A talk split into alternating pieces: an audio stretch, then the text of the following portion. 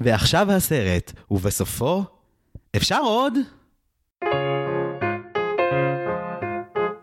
היי, אתם על דיסני פורמציה. אני זיו הרמלין שדר ואני משלים את כל הסרטים של דיסני עד שאני מגיע לגיל 32.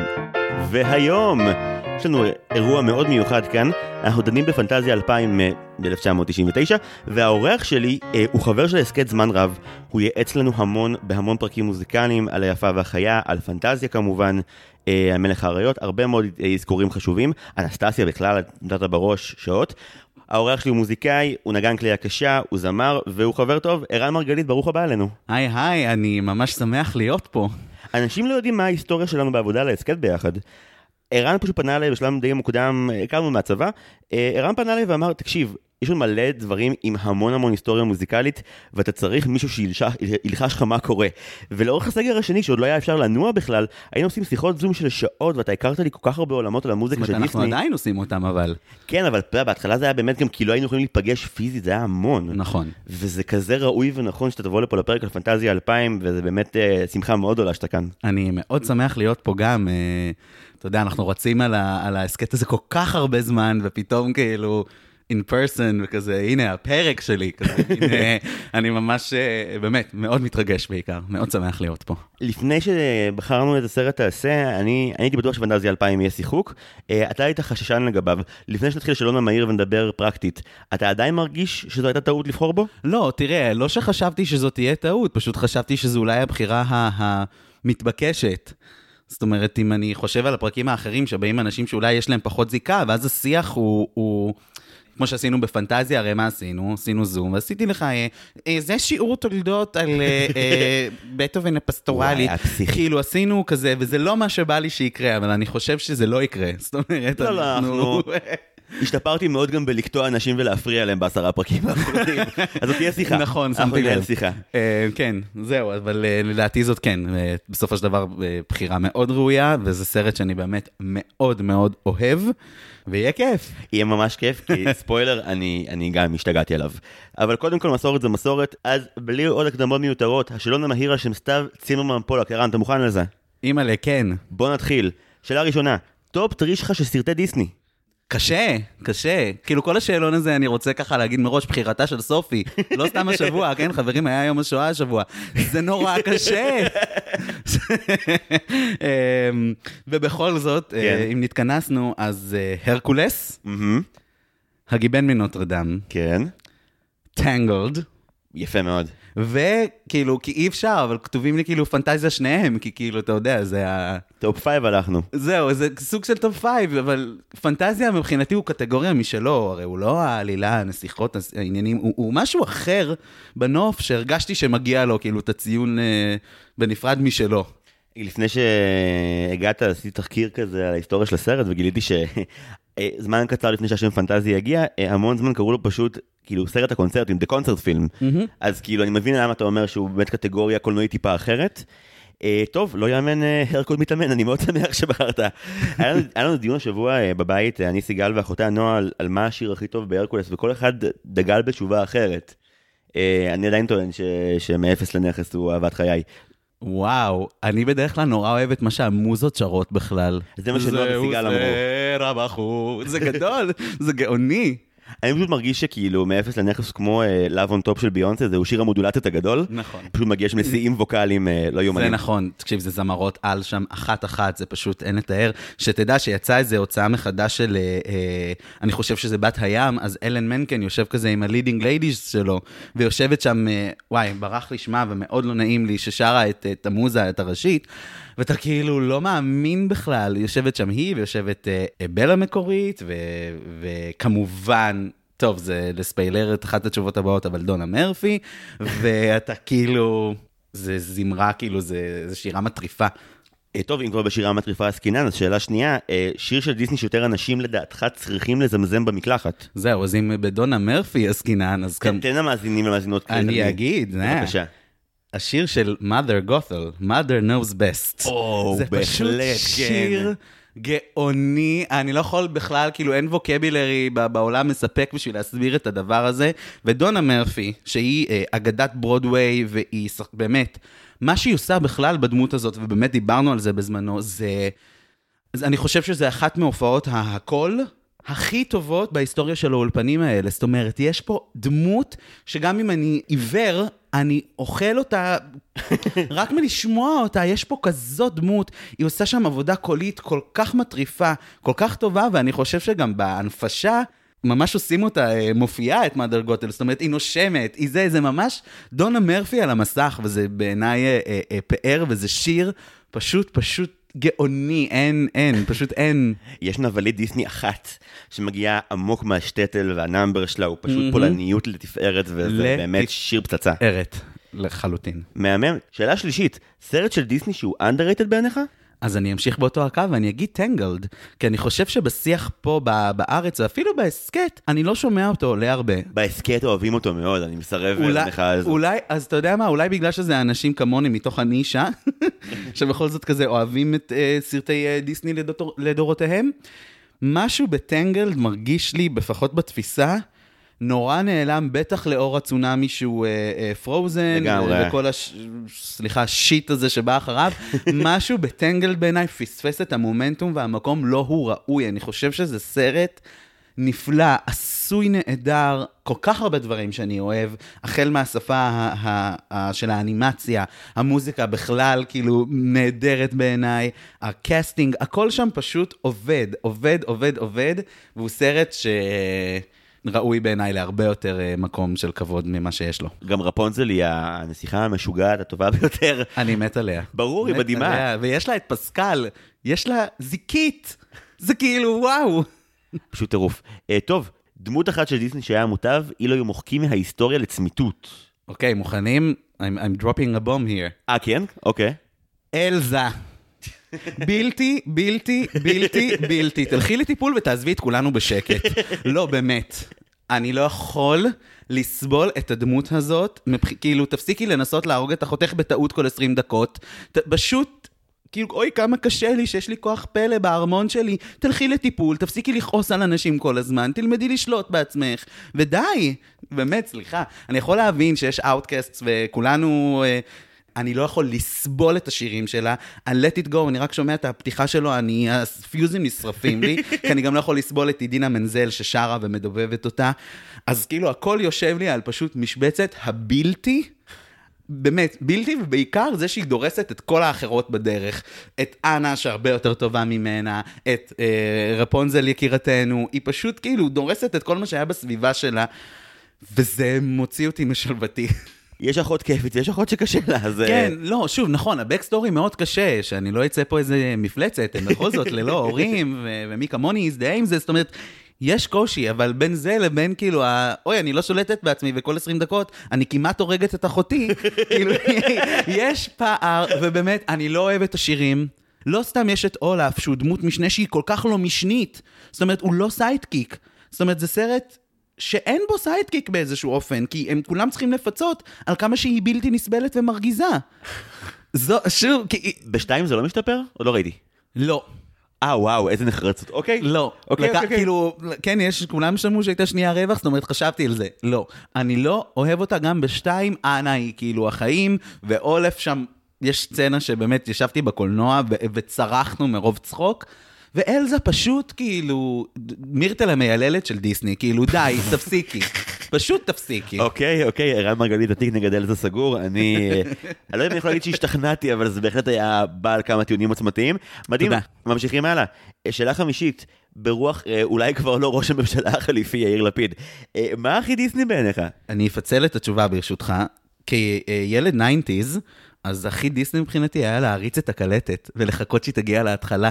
יואו, זו תשובה כאילו היה מצוינת. הציפייה הזאת שאתה כזה, שאתה יושב שם ומחכה לזה, בשביל לעשות שוב את הפליי ולשמוע את, הטירה, את ה-When you wish upon a star, וזה תמיד גם בזמן שזה מריץ, אז. כאילו תמיד יש את ה...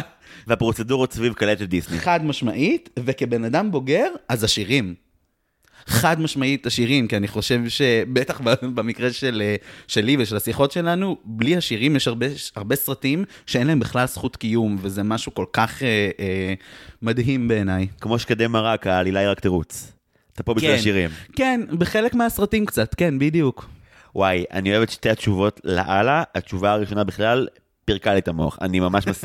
לא, כי זה נכון, אתה אומר, המקבילה אגב נוראית, כאילו היום מה זה דיסני בעיניי, לשים את אה, let it go ביוטיוב ואז לקבל ילדה חולת סרטן שמבקשת ממני לתרום לה כסף, זה כאילו, וואי, לגמרי. אני, אני חושב שה nineties ניצחו בקרב הזה. חד משמעית, לא רק ה nineties, הנה תראה מה יש לי פה, אני שולף מהתיק חברים, DVD מקורי של פנטזיה פנטזיה 2000. 2000, כל ללא הכבוד הקופסה. שמתישהו אה, הלכה לעולמה, אבל יש עוד את הדיסק, זאת אומרת, גם שעברנו את הקלטת עדיין, לגשת ל-DVD, לשים בכונן הלא נכון, הרי פעם היה אחד ושניים וזה, ולשים חוויה, זאת אומרת, משהו בפן החווייתי הוא כל כך... תמיד, אה, תמיד עם DVD הייתי, כאילו, גם כשעוד לא הבנתי איך זה הולך, תמיד איכשהו הייתי מגיע לשים את הסרט, אבל עם הערוץ של הבמאי שאומר, ופה מגיע הלוגו של סרטי וולט דיסני. שתמיד אני אמרתי שהוא לוגו מאוד יפה.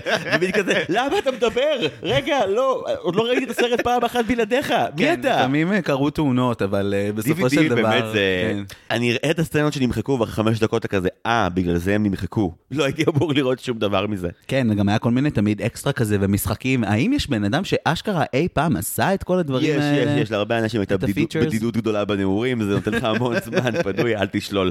הקהל שלנו מורכב בעיקר מאנשים כמונו שהם כאלה.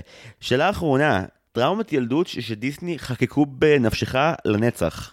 תראה, אני קודם כל אגיד לפני כולם שלא בכוונה נמנעתי מבמבי ופינוקיו עד שהייתי יחסית גדול, זאת אומרת ממש כבר נער לכיוון ה-20, ואיכשהו יצא שלא ראיתי אותם, אז משהו בהם גם כי, כי כבר ידעתי ושמעתי על הזוועות, אה, שנקרא, באתי מוכן למסע יש, בפולין. ישנן זוועות, ישנן כן, זוועות. אז, אז, אז הם איך שכאילו עברו לי, אבל יש שני דברים שהיו לי, אני לא חושב עליהם כטראומה, כמו שהם היו לי לא נעימים או מפחידים, ואחד מהם זה הסוף של בת הים, שאורסולה נהיית ענקית, ואז הספינה משפדת אותה, ויש שם את הברקים ואת, ואת הרעמים, וכזה, זה נורא מפחיד. אני מאוד, בעיניי. אני מאוד הופתעתי שזה קרה. זה נכון, יש בזה משהו מאוד מפחיד. והשני, שאולי, שהוא בעיניי הווילן הכי נוראי של אה, דיסני, פרולו.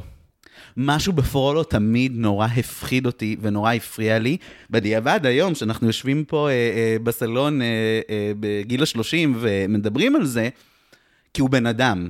זאת אומרת, בדיעבד אתה יכול להבין למה זה הכל נורא מפחיד. אין איזה מליפיסנט שהופכת לדרקון, או אורסולה שהיא מפלצת ונהיית ענקית.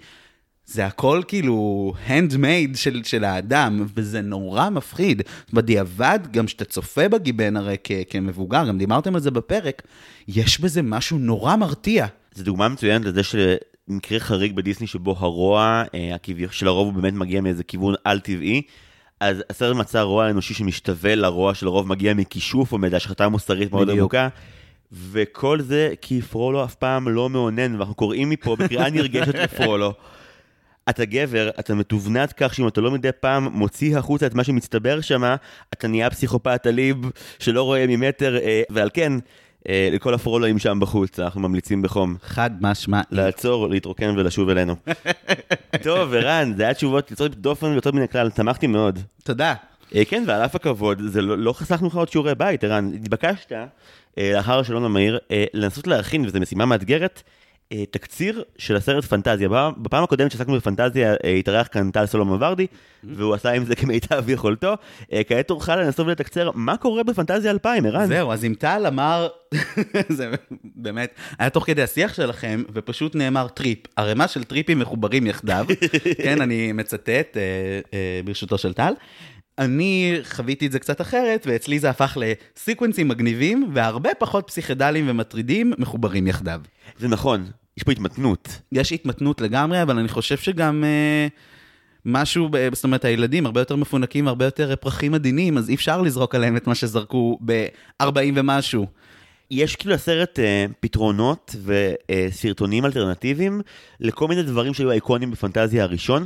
בוא נתחיל שנייה מאפס. אתה ראית אותו פעם ראשונה מתי? את פנטזיה 2000? כן.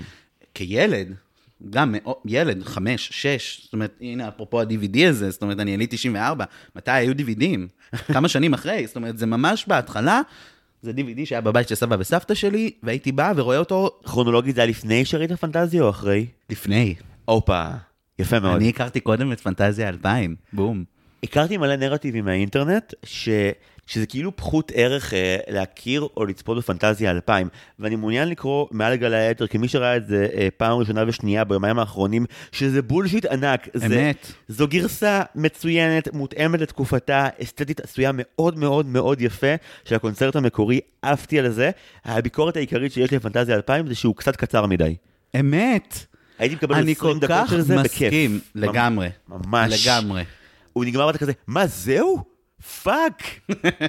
אתה יודע, הקודם היה קונצרט של שעתיים עם הפסקה באמצע, אינטרמישן, כאילו היה, עניין. כן. פה, כאילו יודעים שאנחנו דור צעיר יותר ואנחנו לא סבלניים, ואומרים, טוב, אם הם כבר הסכימו לבוא לקונצרט, כאילו שעה ועשר דקות שחררנו אותם.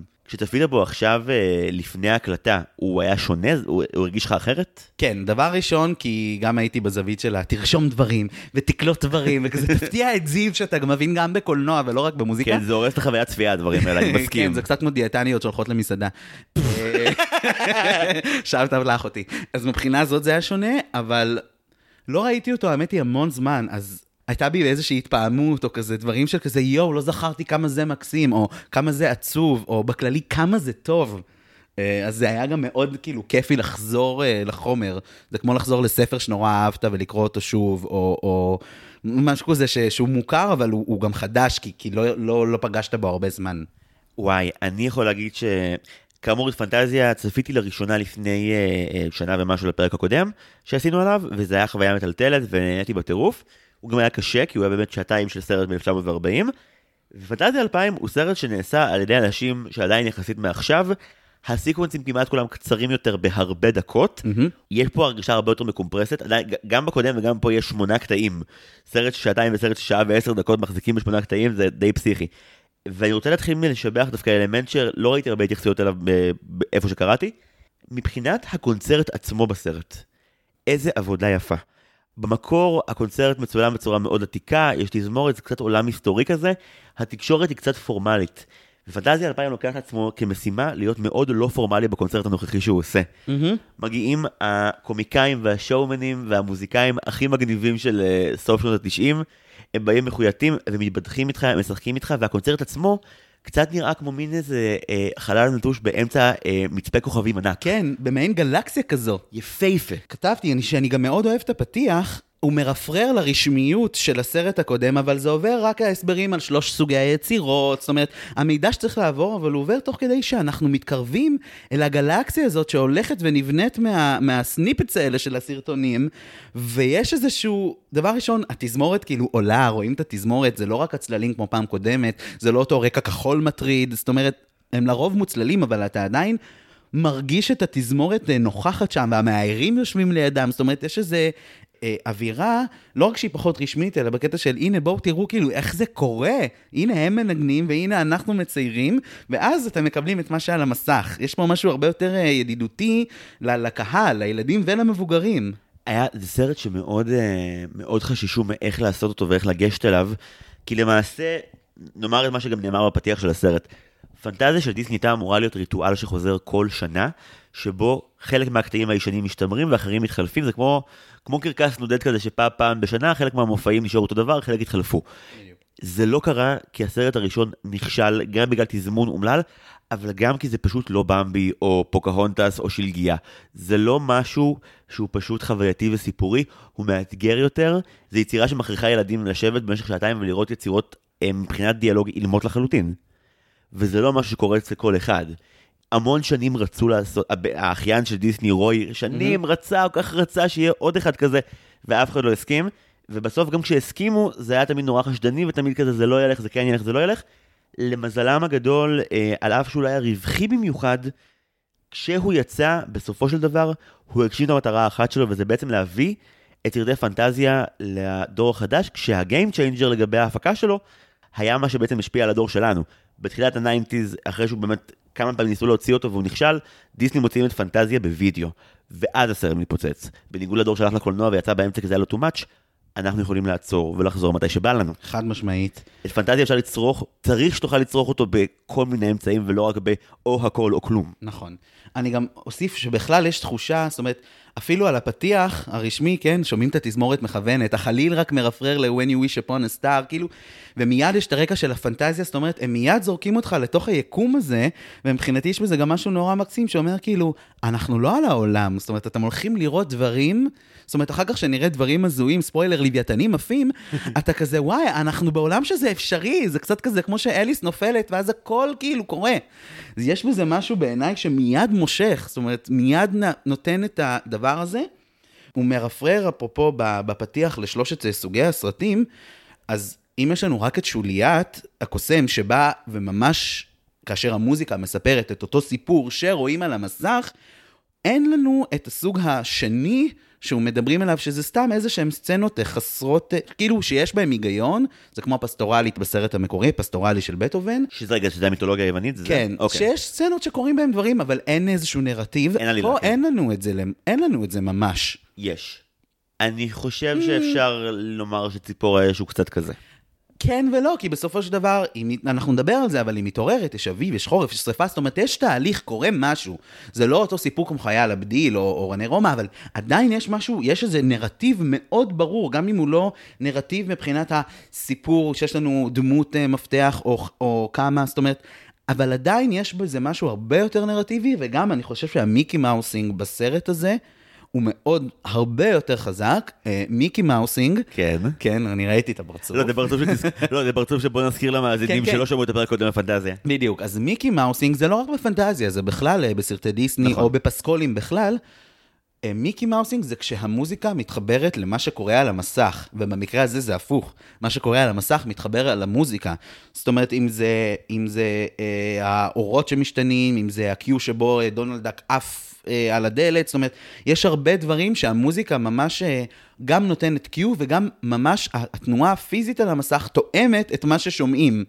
שהדברים ממש נושמים אחד את השני. נכון, המון פעמים כשעורכים מוזיקה בסרטים יש את השאלה על האם מה שנקרא לערוך על הביט או לעשות ההפך. האם דווקא אני, אני לא חותך איפה שצפוי ואז בונה איזשהו מתח, או האם אני עושה בדיוק את מה שהדבר ה- במרכאות קליפי והמגניב. פנטזיה 2000 בקטע הזה באמת לא רואה בעיניים. תכף נגיע לקטע הראשון של, של בטהובן שהוא ממש דוגמה מייצגת של בדיוק זה. אני רוצה רק לבאר משהו שאמרת למי שלא זוכר.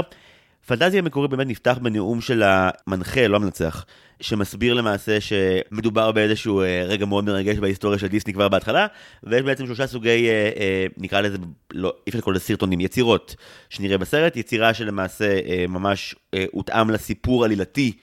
בין אם מהספרות ובין אם מקורי, אה, יצירה שכמו שאמרת, כן מספרת איזה חוויה רגישות אבל לא עם סיפור מוגדר, ויצירה שהיא לגמרי אקספרימנטלית, אבסטרקטית, וגם בסרט הקודם וגם בסרט הנוכחי, הם לא ראו בעיניים ופתחו עם יצירה כזאת. כאילו, מתחילים הכי קשה, נכון. כביכול, לצופה. עכשיו, בא לי להגיד הכי קשה, מצד שני, בסרט הזה, הם מתחילים עם אולי היצירה באמת המפורסמת ביותר ברפרטואר הקלאסי כולו, בטהובן סימפוניה מספר 5, פרק ראשון, טה-טה-טה-טם, כאילו אין יותר אה, אייקוני. אני חושב שזה גם משהו באמירה שלהם, להגיד כאילו, אנחנו לוקחים את הכי אייקוני, ומבחינתי זה גם, כתבתי, לפתוח חזק ואז להגביר. כאילו בטירוף. כשפותחים את הסרט בבטהובן 5, כאילו לאן אתה מתקדם מפה? יש המון מקרים שבהם השמצתי כאן, יחד עם אורחים ואורחות, טקסים וחשיבות עצמית של האולפן הזה, והנה אני מול סרט שבו אני רק יכול להצדיק אותה. הסרט הזה נעשה, ואתה רואה את זה עוד לפני ש- ש- שבטהובן מתחיל, עם רצינות אינסופית, והוא גם אומר את זה לצופים, כי בעצם הפתיחה שבה משוחזרים לנו חלקים מהסרט המקורי, אבל בעיצוב מודרני, ובאמת, כמו שאמרת, עם איזה שהם שקפים פסיכיים שרצים בתוך הגלקסיה המשוגעת הזאת שנוצרת באולפן עם התזמורת, רוצים לומר לנו משהו חשוב. הרבה מאוד זמן ההיסטוריה הזאת רצתה המשך, היא לא קיבלה אותו, וזה קורה עכשיו, כולנו התלבשנו מאוד יפה, אנחנו בתוך החלל עצמו, בוא נרוץ, ואז הפתיחה עם, ה, עם באמת הצליל הדרמטי הזה, שהוא כל כך אייקוני לנו, גם מי שאין לו מושג, אני, אין לי שום השכלה קלאסית, כשאני שומע את הטה-טה-טם של בטהובן, אני יודע איפה אני נמצא. בדיוק. ומאחורי הקלעים, אגב, כשהרעיון הזה עלה, שהם הולכים לעשות אותו, אבל שלוש דקות, כי הם מודעים לנפח היצירה המקורי, המנצח ג'יימס לוין אמר, זה יכול להיות מושלם, אבל זה חייב להיות השלוש דקות הכי נכונות שאפשר מהיצירה הזאת. נכון. אמר, אם זה ילך, אלה יהיו שלוש דקות יפהפיות. נכון, כמובן, פרק הראשון, שהוא הכי מפורסם, אה, אם אני אזרוק פה ככה קצת מידע, אז אה, מוטיב הגורל, זאת אומרת, אה, טוענים שבאחד מהגלגולים נכתב על הסימפוניה, הגורל נוקש בדלת, ושזה בטהובן עם התסביכים שלו, שהיה איש כמובן מאוד מסובך, חיים מאוד דרמטיים. וזה מאוד נחמד כמה הדבר הזה, אה, אף על פי שהוא כשל בבכורה, אולי בגלל שזה היה קונצרט של איזה חמש שעות באולם בלי חימום, עם תזמורת שניגנה חזרה אחת, ובטהובן בעצמו גם ניצח, גם ניגן סולו, והיה כזה מיליון בלאגנים, אה, אז אולי זה לא, לכן זה לא כל כך הצליח.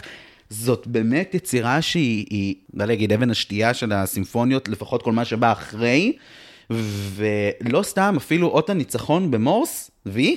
כן. טה-טה-טה-טה. אשכרה. נשבע לך. כי חלק מהמותג של פנטזיה זה...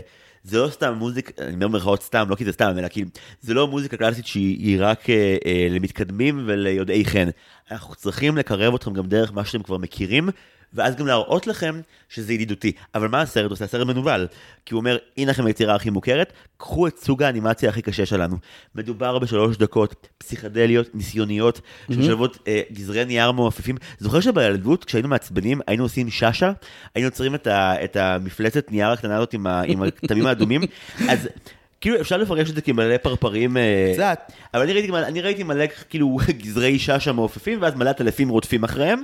וזה היה שלוש דקות מאוד צבעוניות ומוטרפות כן, שאהבתי. אני, אני כאילו מה שרציתי להגיד, כתבתי שזה גם באמת מאוד, כל כך אבסטרקטי, שאפילו ששת הפרפרים האלה, הם צורות, והנה לאו דווקא, הם, כאילו, אתה נגיד קורא לזה שאשא, אני ראיתי פרפרים, אחרי זה באים השחור והאדום, כאילו הגורל, או הם עשו מזה הרי איזה משהו של אה, אה, חושך ואור כזה. הם תמיד מין- אוהבים שדים בפנטזיה. ש- כן, מעין שדונים, אני לא יודע איך אפשר לקרוא לזה, שעם השחור והאדום, אבל גם הם מאוד אבסטרקטיים, זאת אומרת, זה כל כך פתוח ל- להרבה הרבה פרשנויות, ויש פה כל כך, כאילו, המשחקים האלה של הצבעים, של ההבזקים, זה כל כך דומה, אפרופו, למה שהם עשו בפנטזיה עם הפוגה של באך.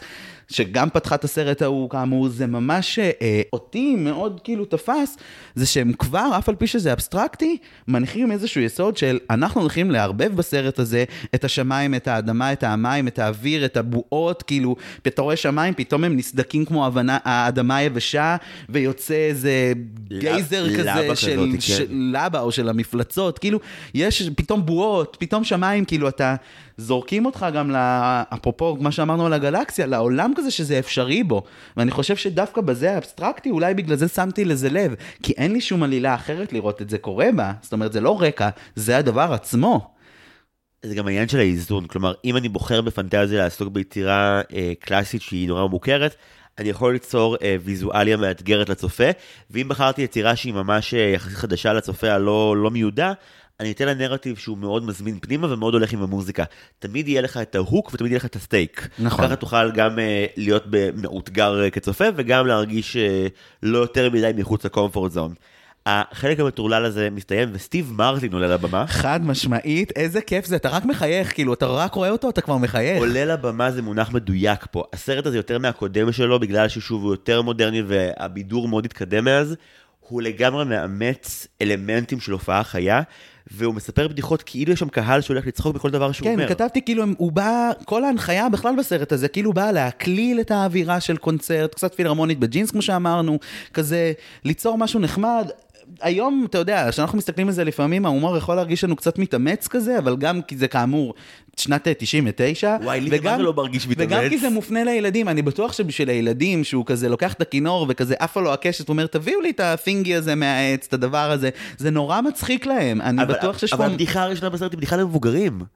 הבדיחה, הדבר הראשון שסטיב מרטין אומר בפנטזיה 2000 זה, אגב, רוב החבר'ה האלה זה הפעם הראשונה שאתם מנגנים, אתם ידעתם את זה? כן, כאילו, כן. ואז הוא מנסה למכור כאילו קורס מוזיקאים אה, בשבועיים שהוא כאילו עשה כביכול לכל חברי... כן, ולא רק זה, הוא גם מרים את הכינור בזמן שעוברים, ללא פחות ולא יותר מיצחק פרלמן, שהוא כאילו אגדת כינור, כאילו, באמת, עולמית. כן, הוא הציג אותו, אה, ואז הוא אומר, הרגע הודיעו לי באוזנייה שהוא גם נגן כינור. כן. מי הגדיל גם מדהים נגן את הכינור? כן, כאילו, יאללה, זה, זה, אמרתי, בכלל, כאילו, כתוב לי פה, בכלל שיש תחושה של תותחים, מה זה כבדים בסרט הזה, ואנחנו נראה את זה, גם, לא רק בבחירת הרפרטואר, גם בבחירת המנחים. לגמרי. יש פה משהו באמת...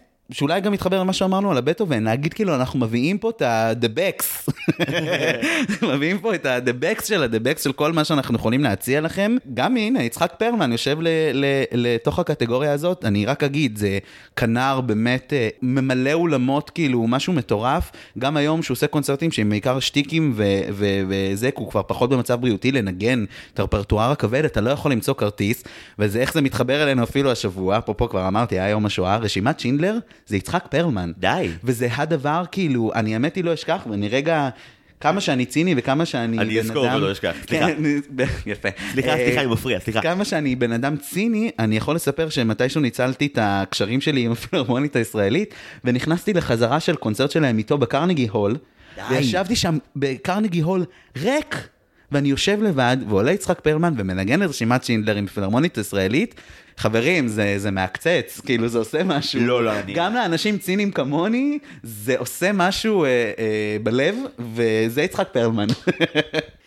אה, אני אגיד לפני שעוברים ליצחק פרלמן ול, וליצירה הבאה, רק ששיפור משמעותי מפנטזיה המקורי, שוב, שהוא עניין של זמן, לא בהכרח של יכולת, זה שההומור החזותי משתפר גם בקטעי המעבר. אז אחרי שסטיב מרטין אה, מציג ומעביר ליצחק פרלמן, והוא כביכול גם רוצה להוכיח שהוא נגן בכינור והוא לא מצליח, והמצלמה חולפת על פניו, הוא ממשיך לצעוק כאילו באוף סקרין שהוא ישמח שהמצלמה תחזור להיות עליו, כי הוא רוצה להדגים את כישורי הכינור שלו. עכשיו ברגע הזה המצלמה כאילו עוברת את כל חברי התזמורת ומגיעה לפרלמן. חברי התזמורת שומעים עכשיו את סטיב מרטין קורע מצחוק, ולא על מסך, מאחוריך, מאחורי האוזן, והם צריכים במשך חצי דקה, כי זה וואן שוט, להחזיק את הצחוק שלהם. ואני חייב לומר, הם עושים את זה ב... כן, הם, הם כאלה. חמורי סבר. שנים של קונצרטים עשו את העבודה, אנשים לא, לא מחייכים בזווית הפה. לא, זה מקסים. אני נקראתי בסולון אין בדממה. מגיעים לפרלמן, שאני לא ידעתי שהוא כל כך טוב בלהציג דברים, הוא מדבר מאוד יפה. כן, הוא, הוא פדגוג נהדר, הוא, הוא, יש לו את פרלמן אה, פרוגרם, כאילו הוא...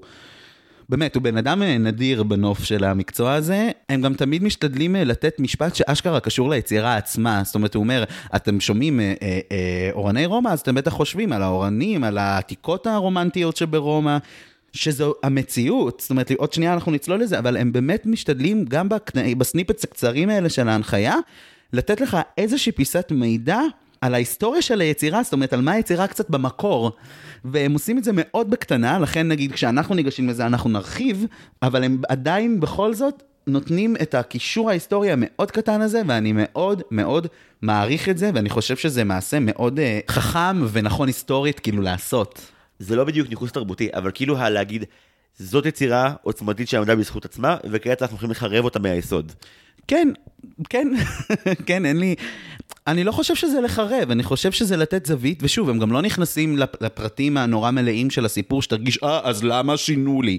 זה לא זה, אבל אני חושב שהשלוש, ארבע מילים האלה שהם אומרים על המקור של היצירה, זה רק כאילו, אתה אחר כך רק מעריך את הדמיון ואת העבודה המדהימה של הבנייה מחדש באמת של הדבר הזה. אבל הם צריכים פשוט להתייחס, הם צריכים כאילו להגיד, אנחנו נצפה כעת בעוני רומא.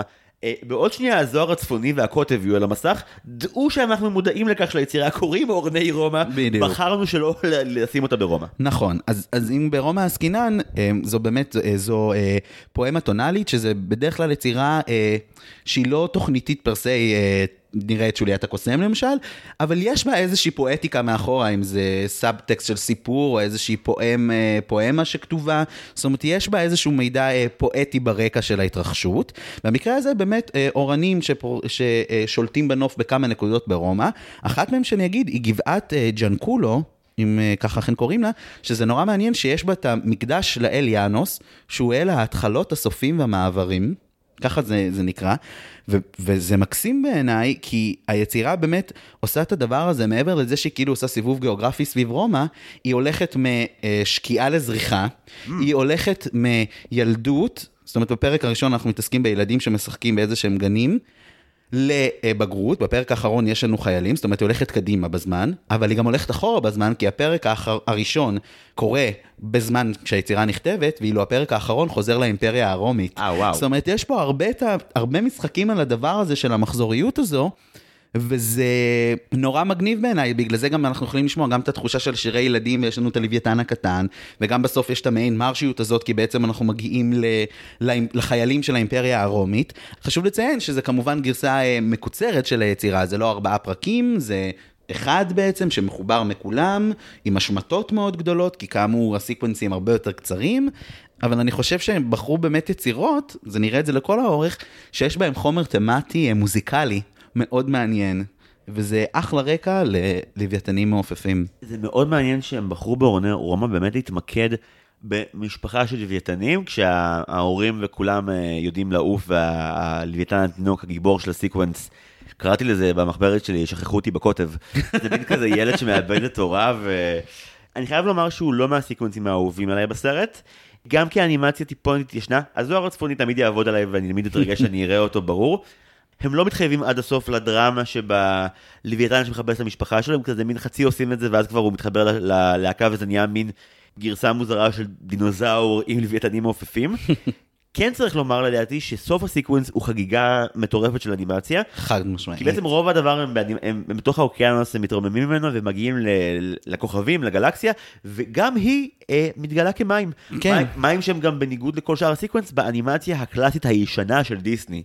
ממש. כאילו בסוף הכי גבוה, הכי הכי מעל, נמצאת אנימציית הדו-ממד העתיקה בציור יד שהתחיל את הכל. זה גאוני, אני חושב שאולי גם בגלל שזה עוד תחילת הסרט, אז הם מנצלים לעשות, אה, אה, אפרופו, הם למדו בפנטזיה, כמו ששם הפסטורלית יחסית מוקדם, אז גם זה יחסית מוקדם, כי עוד אין לנו סיפור מלהיב, עוד אין לנו את הדמויות המוכרות של דיסני נכון. על המסך, זאת אומרת, יש פה משהו שהוא כזה, אוקיי, ילדים עוד בריכוז, שברנו להם את הצורה עם הבטהובן, עכשיו ניתן להם רגע להירגע, אז גם לא ניתן עוד סיפור מאוד גדול, הם עוד מרוכזים, זה בסדר. סך הכל סיפור באמת מקסים, אני חושב שהרגע שהוא נלכד שם בתוך הקרח והוא לבד, הוא... הוא נורא עצוב, זאת אומרת, אני חושב שיש האנשה נורא יפה של הלוויתן הזה, משהו מאוד תופס ב imageים שם. הם מאוד מחויבים ל location ול setup שהם בחרו. בדיוק. בהקשר הזה זה מאוד יפה. לתקופה ההיא זו הייתה אנימציה מאוד מתקדמת, והשילוב של אנימציה ממוחשבת של CGI עם אנימציה קלאסית היה אמור להיות uh, פסגת הטכנולוגיה. במרחק של 23 שנה זה טיפונת התיישן. נכון. אגב, חייבים למאזינים הסבר על למה פנטזיה 2000 יוצא ב-99. גם דינוזאור וגם הקיסם נפל על הראש איחרו בזמנים, זו הסיבה. זה היה, זה היה מוכן, זה פשוט היה מוכן ואחרים עוד לא, זה היה כזה, זה שיחקו עם הלו"ז. אני רציתי להגיד שזה קצת כמו באג 2000, כזה הקדים, הקדים, היינו בציפייה. למקרה שלא לא נגיע למילניום הבא, קחו את הסרט הזה מהר. אה, אני כן אגיד שפרט ריבי מעניין על הסיקוונס הזה, משהו ב... ביכולת של האנשה של הלוויתנים לאורך העבודה היה גבולי, הם המציאו איזושהי תוכנה מיוחדת שתנסה ליצור את השילוב אנימציות, זה היה מורכב להם, ולבסוף הם אמרו, טוב, אין לנו ברירה, והם ציירו ללוויתן הגיבור אה, פשוט עיניים ב... ביד.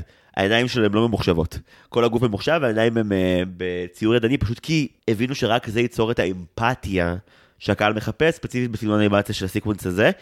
אין לי הרבה מה לומר עליו, כי שוב, הוא באמת, כמו שאמרת, זה זמן טוב להכניס משהו שהוא הוא לא על רגש גבוה מדי אחרי בטהובן, הצופ... הצופים עוד באיזשהו הלם, זה טיפה יותר איטי ויותר רגוע, המוזיקה פה הרבה פחות בומבסטית מיצירות אחרות. לא פחות בומבסטית, כמו שפחות כאילו...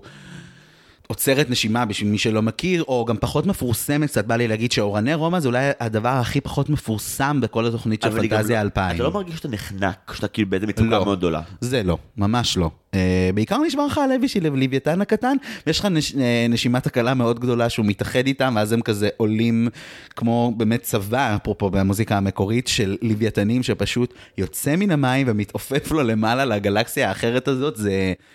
מבחינתי מרהיב, באמת, הסרט הזה, כאילו מרהיב, כתבתי את זה כל כך הרבה פעמים שהתחלתי למחוק. שבע שנים אחרי היציאה, אגב, של uh, פנטזיה 2000, יצא העיבוד הקולנועי של uh, מדריך הטרמפיסט לגלקסיה, שיש פה סצנת uh, number מוזיקלי בפתיחה שבו הדולפינים עוזבים את כדור הארץ. וה image הסופי הוא גם image שבו הם עולים למעלה, למעלה, למעלה, למעלה, וגם בקצה הכדור יש מים. ואני חושד, מאז שראיתי את פנטזיה 2000, אני חושד מאיפה יוצרים מדריך הטרמפיסט לקחו את ה image.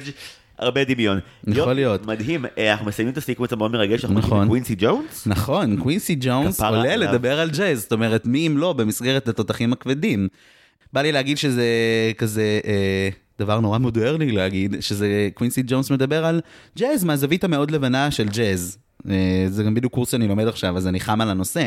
אבל אה, אה, לידו עם ה- עם הפסנתרן הסולן, שהוא רלף גרייסון, שהוא לבן, זאת אומרת, יש פה איזה משהו מאוד מעניין.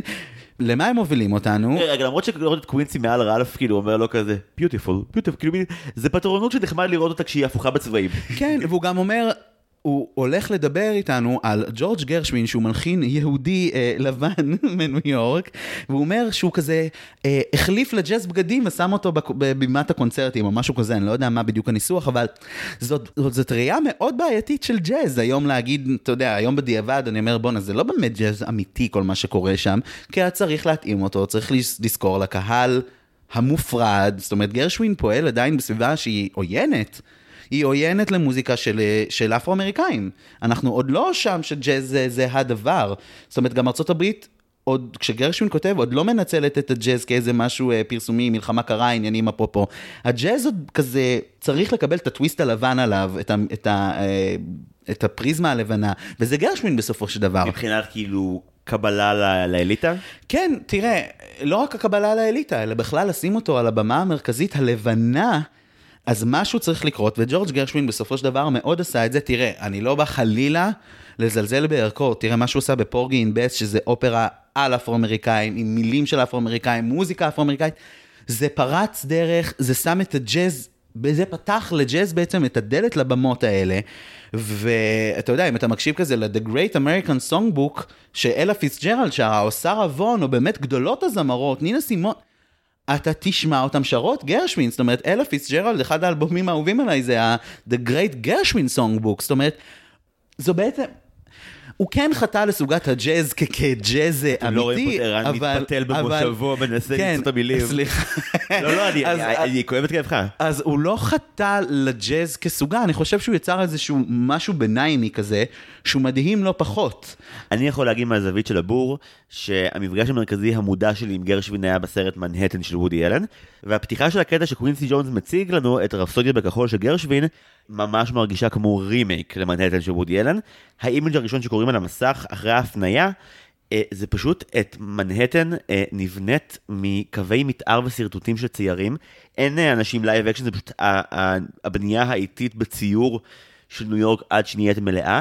ליצירה עצמה קוראים רפסודיה בכחול, וחייבים גם לומר שמעבר לגרשווין, יש פה גם התייחסות מאוד בולטת לאל הירשוולד, מאייר אה, מאוד מאוד קלאסי, שבאמת כל האיורים לאורך כל רפסודיה בכחול, הם מושפעים ישירות מדמויות שלו, או ממש דמויות ממשיות שהוא אייר בזמנו. כן, כן, ממש, אה, יש קטע כזה, הוא היה מאייר המון המון כוכבי ברודוויי, ועכשיו שחושבים, זה לא רק כי מתרחש בניו יורק, גם לקחת הר- אל הירשפלד זה ממש כאילו האיורים של ניו יורק, של הגולדן אייד של ברודוויי, זאת אומרת, יש עד היום אנשים שממשיכים את דרכו, ושחקנים עכשוויים, כאילו, הכבוד שלהם זה שיציירו את הקריקטורה שלהם בסגנון של אל הירשפלד, זה עדיין קורה, זה משהו כל כך ניו יורקי, כל כך ברודוויי, זה מגניב שזאת ההשראה, ולא רק שזאת ההשראה, אני לא יודע אם עליתם על זה, אני כאילו, כשקראתי את זה, זה היה ממש רגע של אהה, הוא גם ייעץ באלאדין.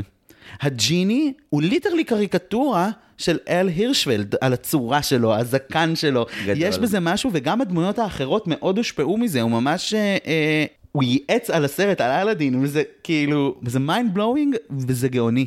אותי זה מטריף שביצירה שאמורה לעסוק לגמרי בעיר ניו יורק ובאיזשהו אה, ייצוג ראשוני שלה בסרטי פנטזיה, שני מוקדי ההשראה המרכזיים הם באמת שני יהודים, לא נעים לומר, אבל כאילו גרשווין והירשוולד, אלה השמות תראה, יש. יש, יש אה, שיקראו לניו יורק ג'ו יורק, זאת אומרת, אה, אה, לא הכרתי את יש, זה. כן, יש המון... ג'ו יורק? כן, כן, יש המון יהודים במרכז העשייה הניו יורקי המאוד גדול. תראה, אם אתה לוקח סתם, קח את סיפור הפרברים, אז יש לך את זונדהיים, את ברנשטיין, את ג'רום רובינס, כל החבר'ה האלה, יהודים, לבנים, גאים גם במקרה הזה, זאת אומרת, יש לך משהו מאוד... אה, מאוד כזה בעשייה בניו יורק שהוא ממשיך אה, עד ימינו באיזשהו אופן, אה, אה, בקטע כזה או אחר.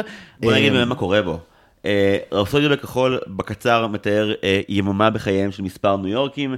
אה, יש לנו פועל בניין שחולם להיות מתופף ג'אז, חובבי הסרט סול צהלו אני מניח. נכון, זה ממש אה, ההשראה בעיניי. לגמרי קפץ. יש לנו אה, בחור לבן שממש מתחנן למצוא עבודה כלשהי שתוציא אותו ממעגל הייאוש שלו. אני קראתי לו בחור אפור. בחור אפור? בחור אפור זה יפה. למרות שזה בחור ששואף להגיע לעבודה שבינינו זה דבר כאילו אפור, אז אני לא יודע, אבל uh, לגמרי זה.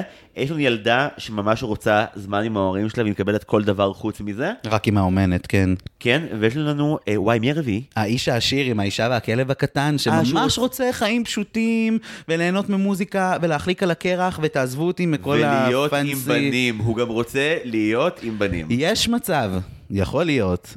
סצנות בעיניי, פשוט זה אוסף של ארבעה סיפורים, שהם חופפים לרגעים נורא קטנים בלי שהם יודעים. זה כזה מגנוליה, כי הסיפורים משתלבים, אבל הגיבורים לא בהכרח יודעים כן, את זה. וזה מקסים בעיניי, אני חושב שיש כמה רגעים בסקוונס הזה שהם אה, אה, אה, מבריקים, הסצנה נגיד של הקפה בדיינר, שאתה רואה אותם כל כך עייפים, הוא והמלצרית, שעבדה שם כנראה כל הלילה, כי זה כן. פתוח 24/7, ומאחוריהם את הגוש של האנשים שיוצא ונכנס לסאבווי, והוא יושב שם ולא זז על הכוס קפה הזאת, גדול, הסצנות בסאבווי, אתה רואה מלא אנשים דחוסים, פתאום יש רגל בכלל למעלה, כאילו דברים. יש... אה, רגע, אני כל כך מזדהה, אני כל כך כאילו, זה פשוט, אני גרתי בניו יורק וזה פשוט, זה זה.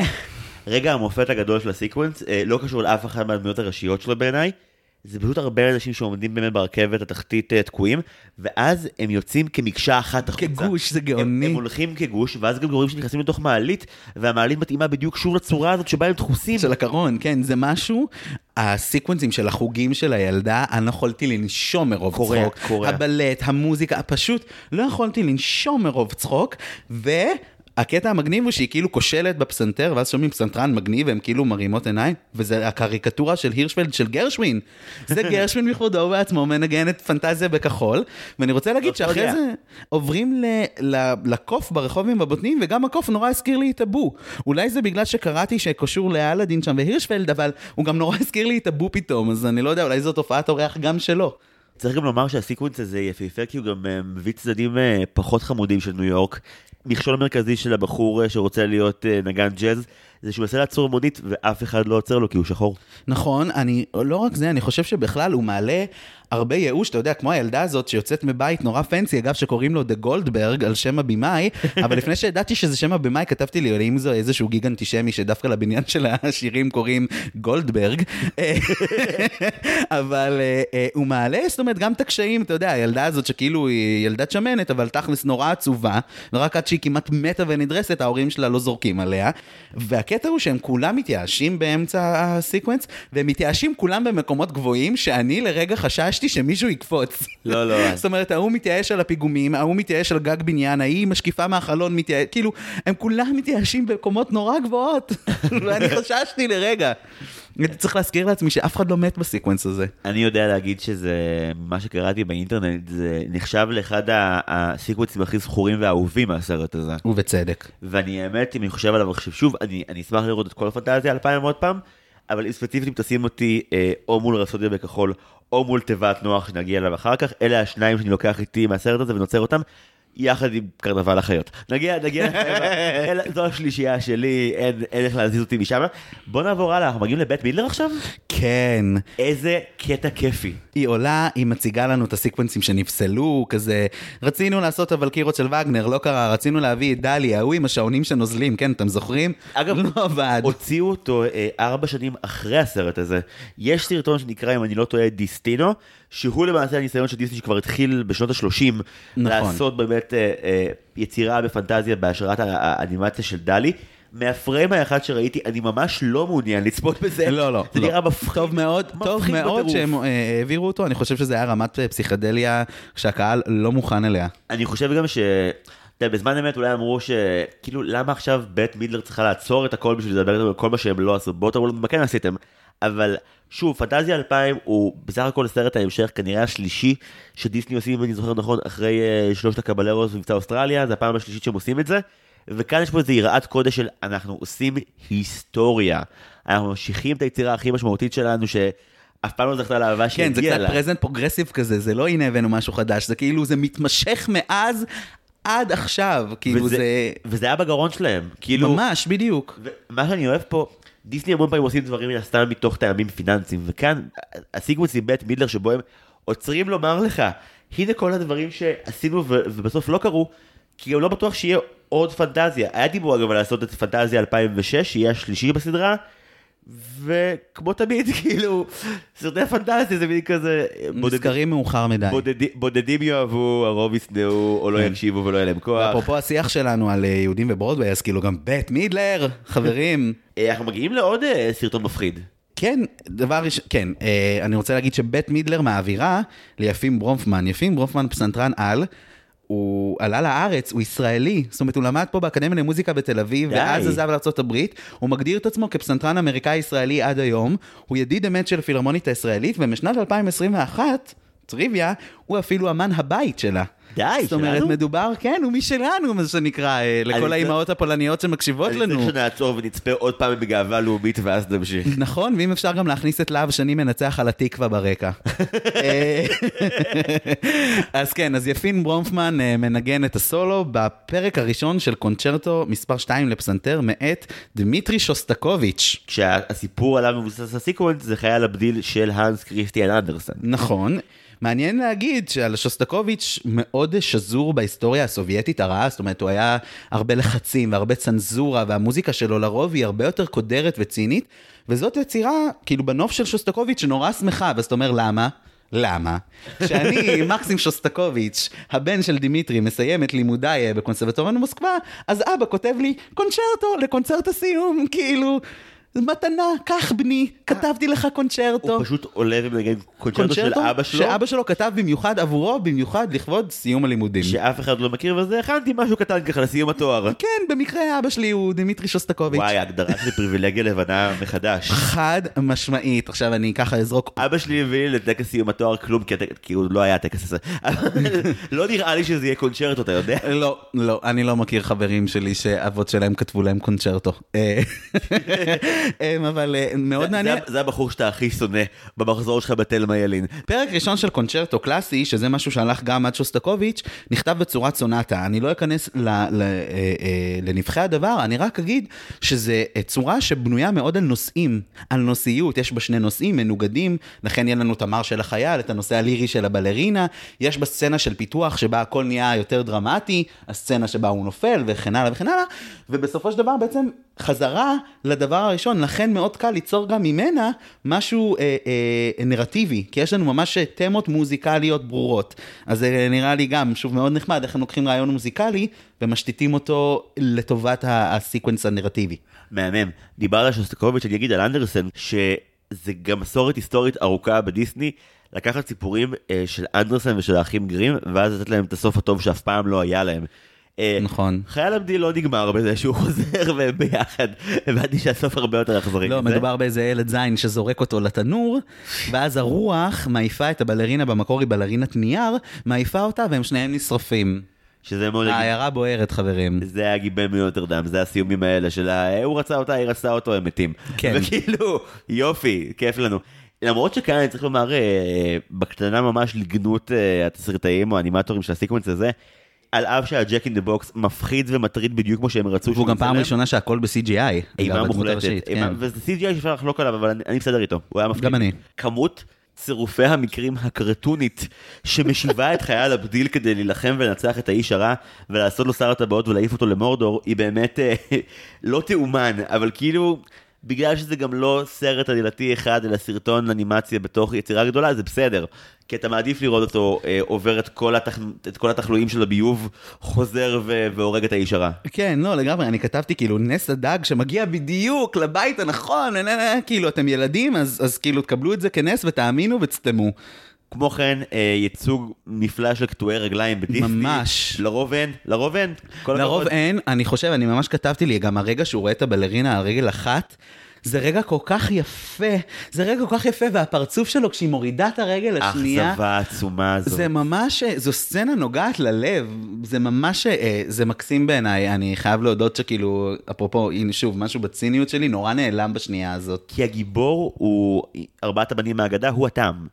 הוא לא, כן. הוא לא גיבור אה, אסטרטגי, הוא לא גיבור גאוני, אבל הוא גיבור שחייו לא פשוטים ויש לו לב. לגמרי, לגמרי. אה, אני חושב שהקצב של הסיפור גם, הם לא התעכבו ב- לא, ברגעים הקשים. לגמרי. במקור זה ילדים ששמים שמים אותו בסירת נייר, ובמקור גם דיסני רצו לעשות איזה עכבר סטנדאפיסט בביוב, אבל...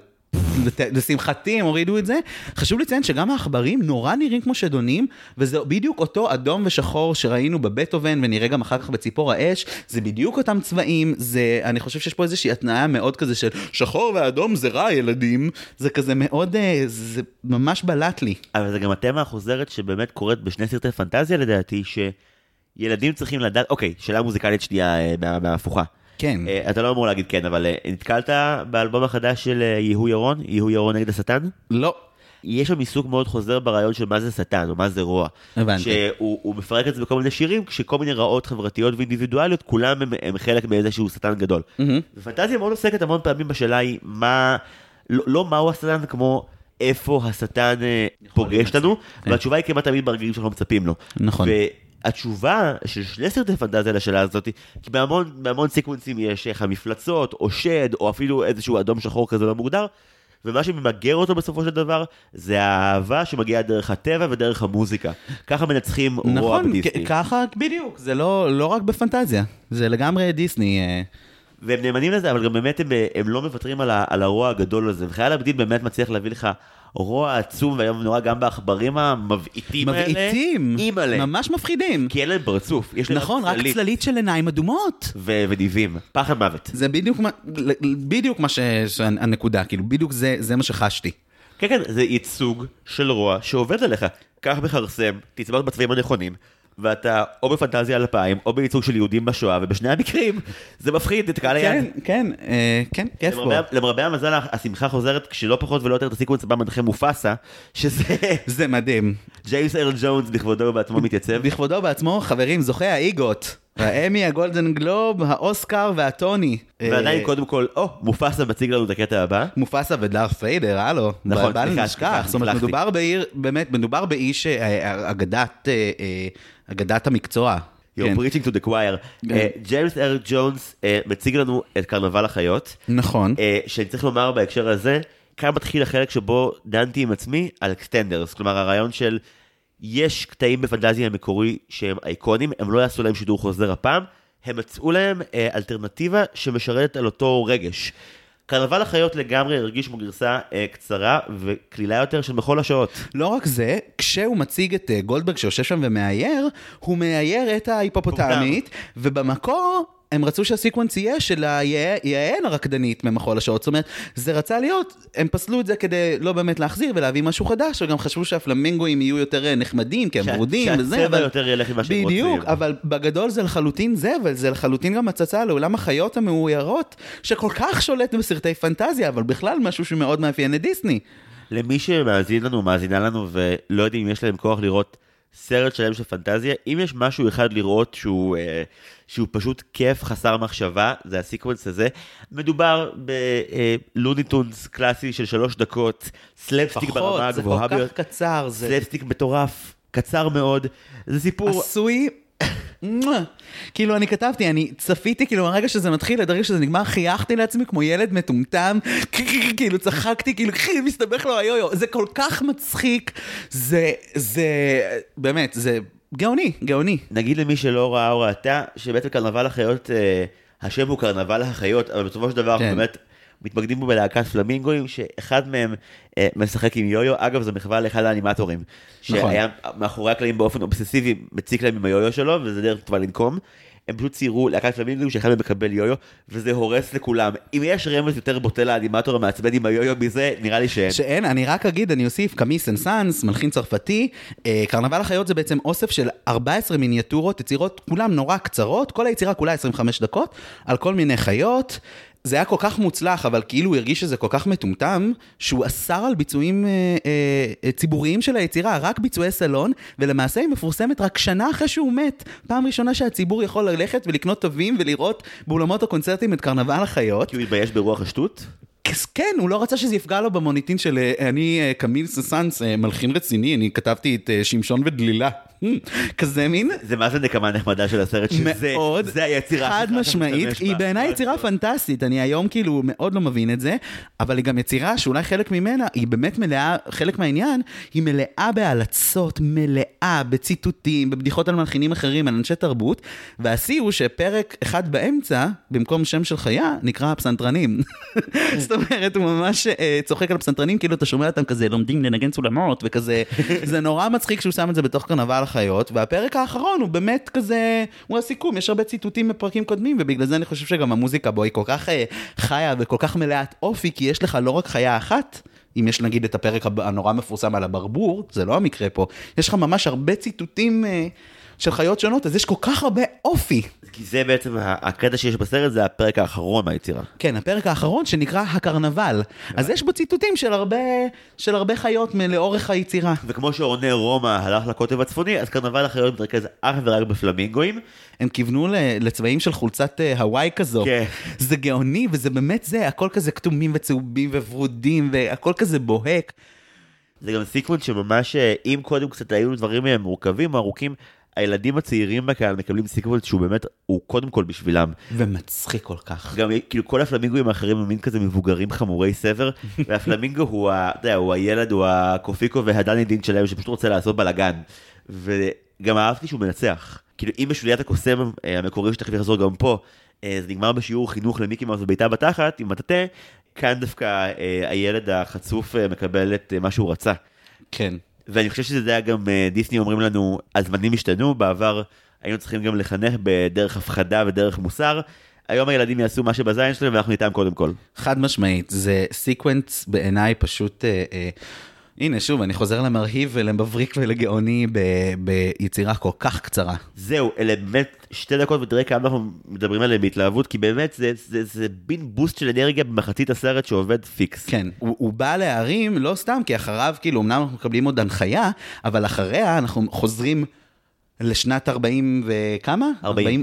שנת 40, לשוליית הקוסם. לכן אני חושב שזה לא סתם לתת את ה boost הזה של אנרגיה, כי אנחנו חוזרים ליצירה שהיא גם יותר קודרת, וגם האנימציה ישנה, וגם הסאונד ישן. זאת אומרת, זה לא סתם רגע אנחנו מעירים אתכם, אנחנו צריכים ששוב תהיו רגע עם קצת יותר סבלנות. אני יודע שהיה שלב שבו דיברו על uh, שיהיו שלוש יצירות שיחזרו, דיברו על uh, מפצח האגוזים, דיברו על מחול השעות ודיברו על שוליאטה.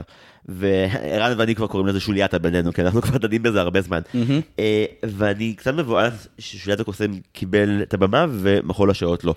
נכון. אני מבין למה קרנבל החיות כאילו ייתר אותו, נכון. אבל מחול השעות זה איזה עשר דקות יפייפיות.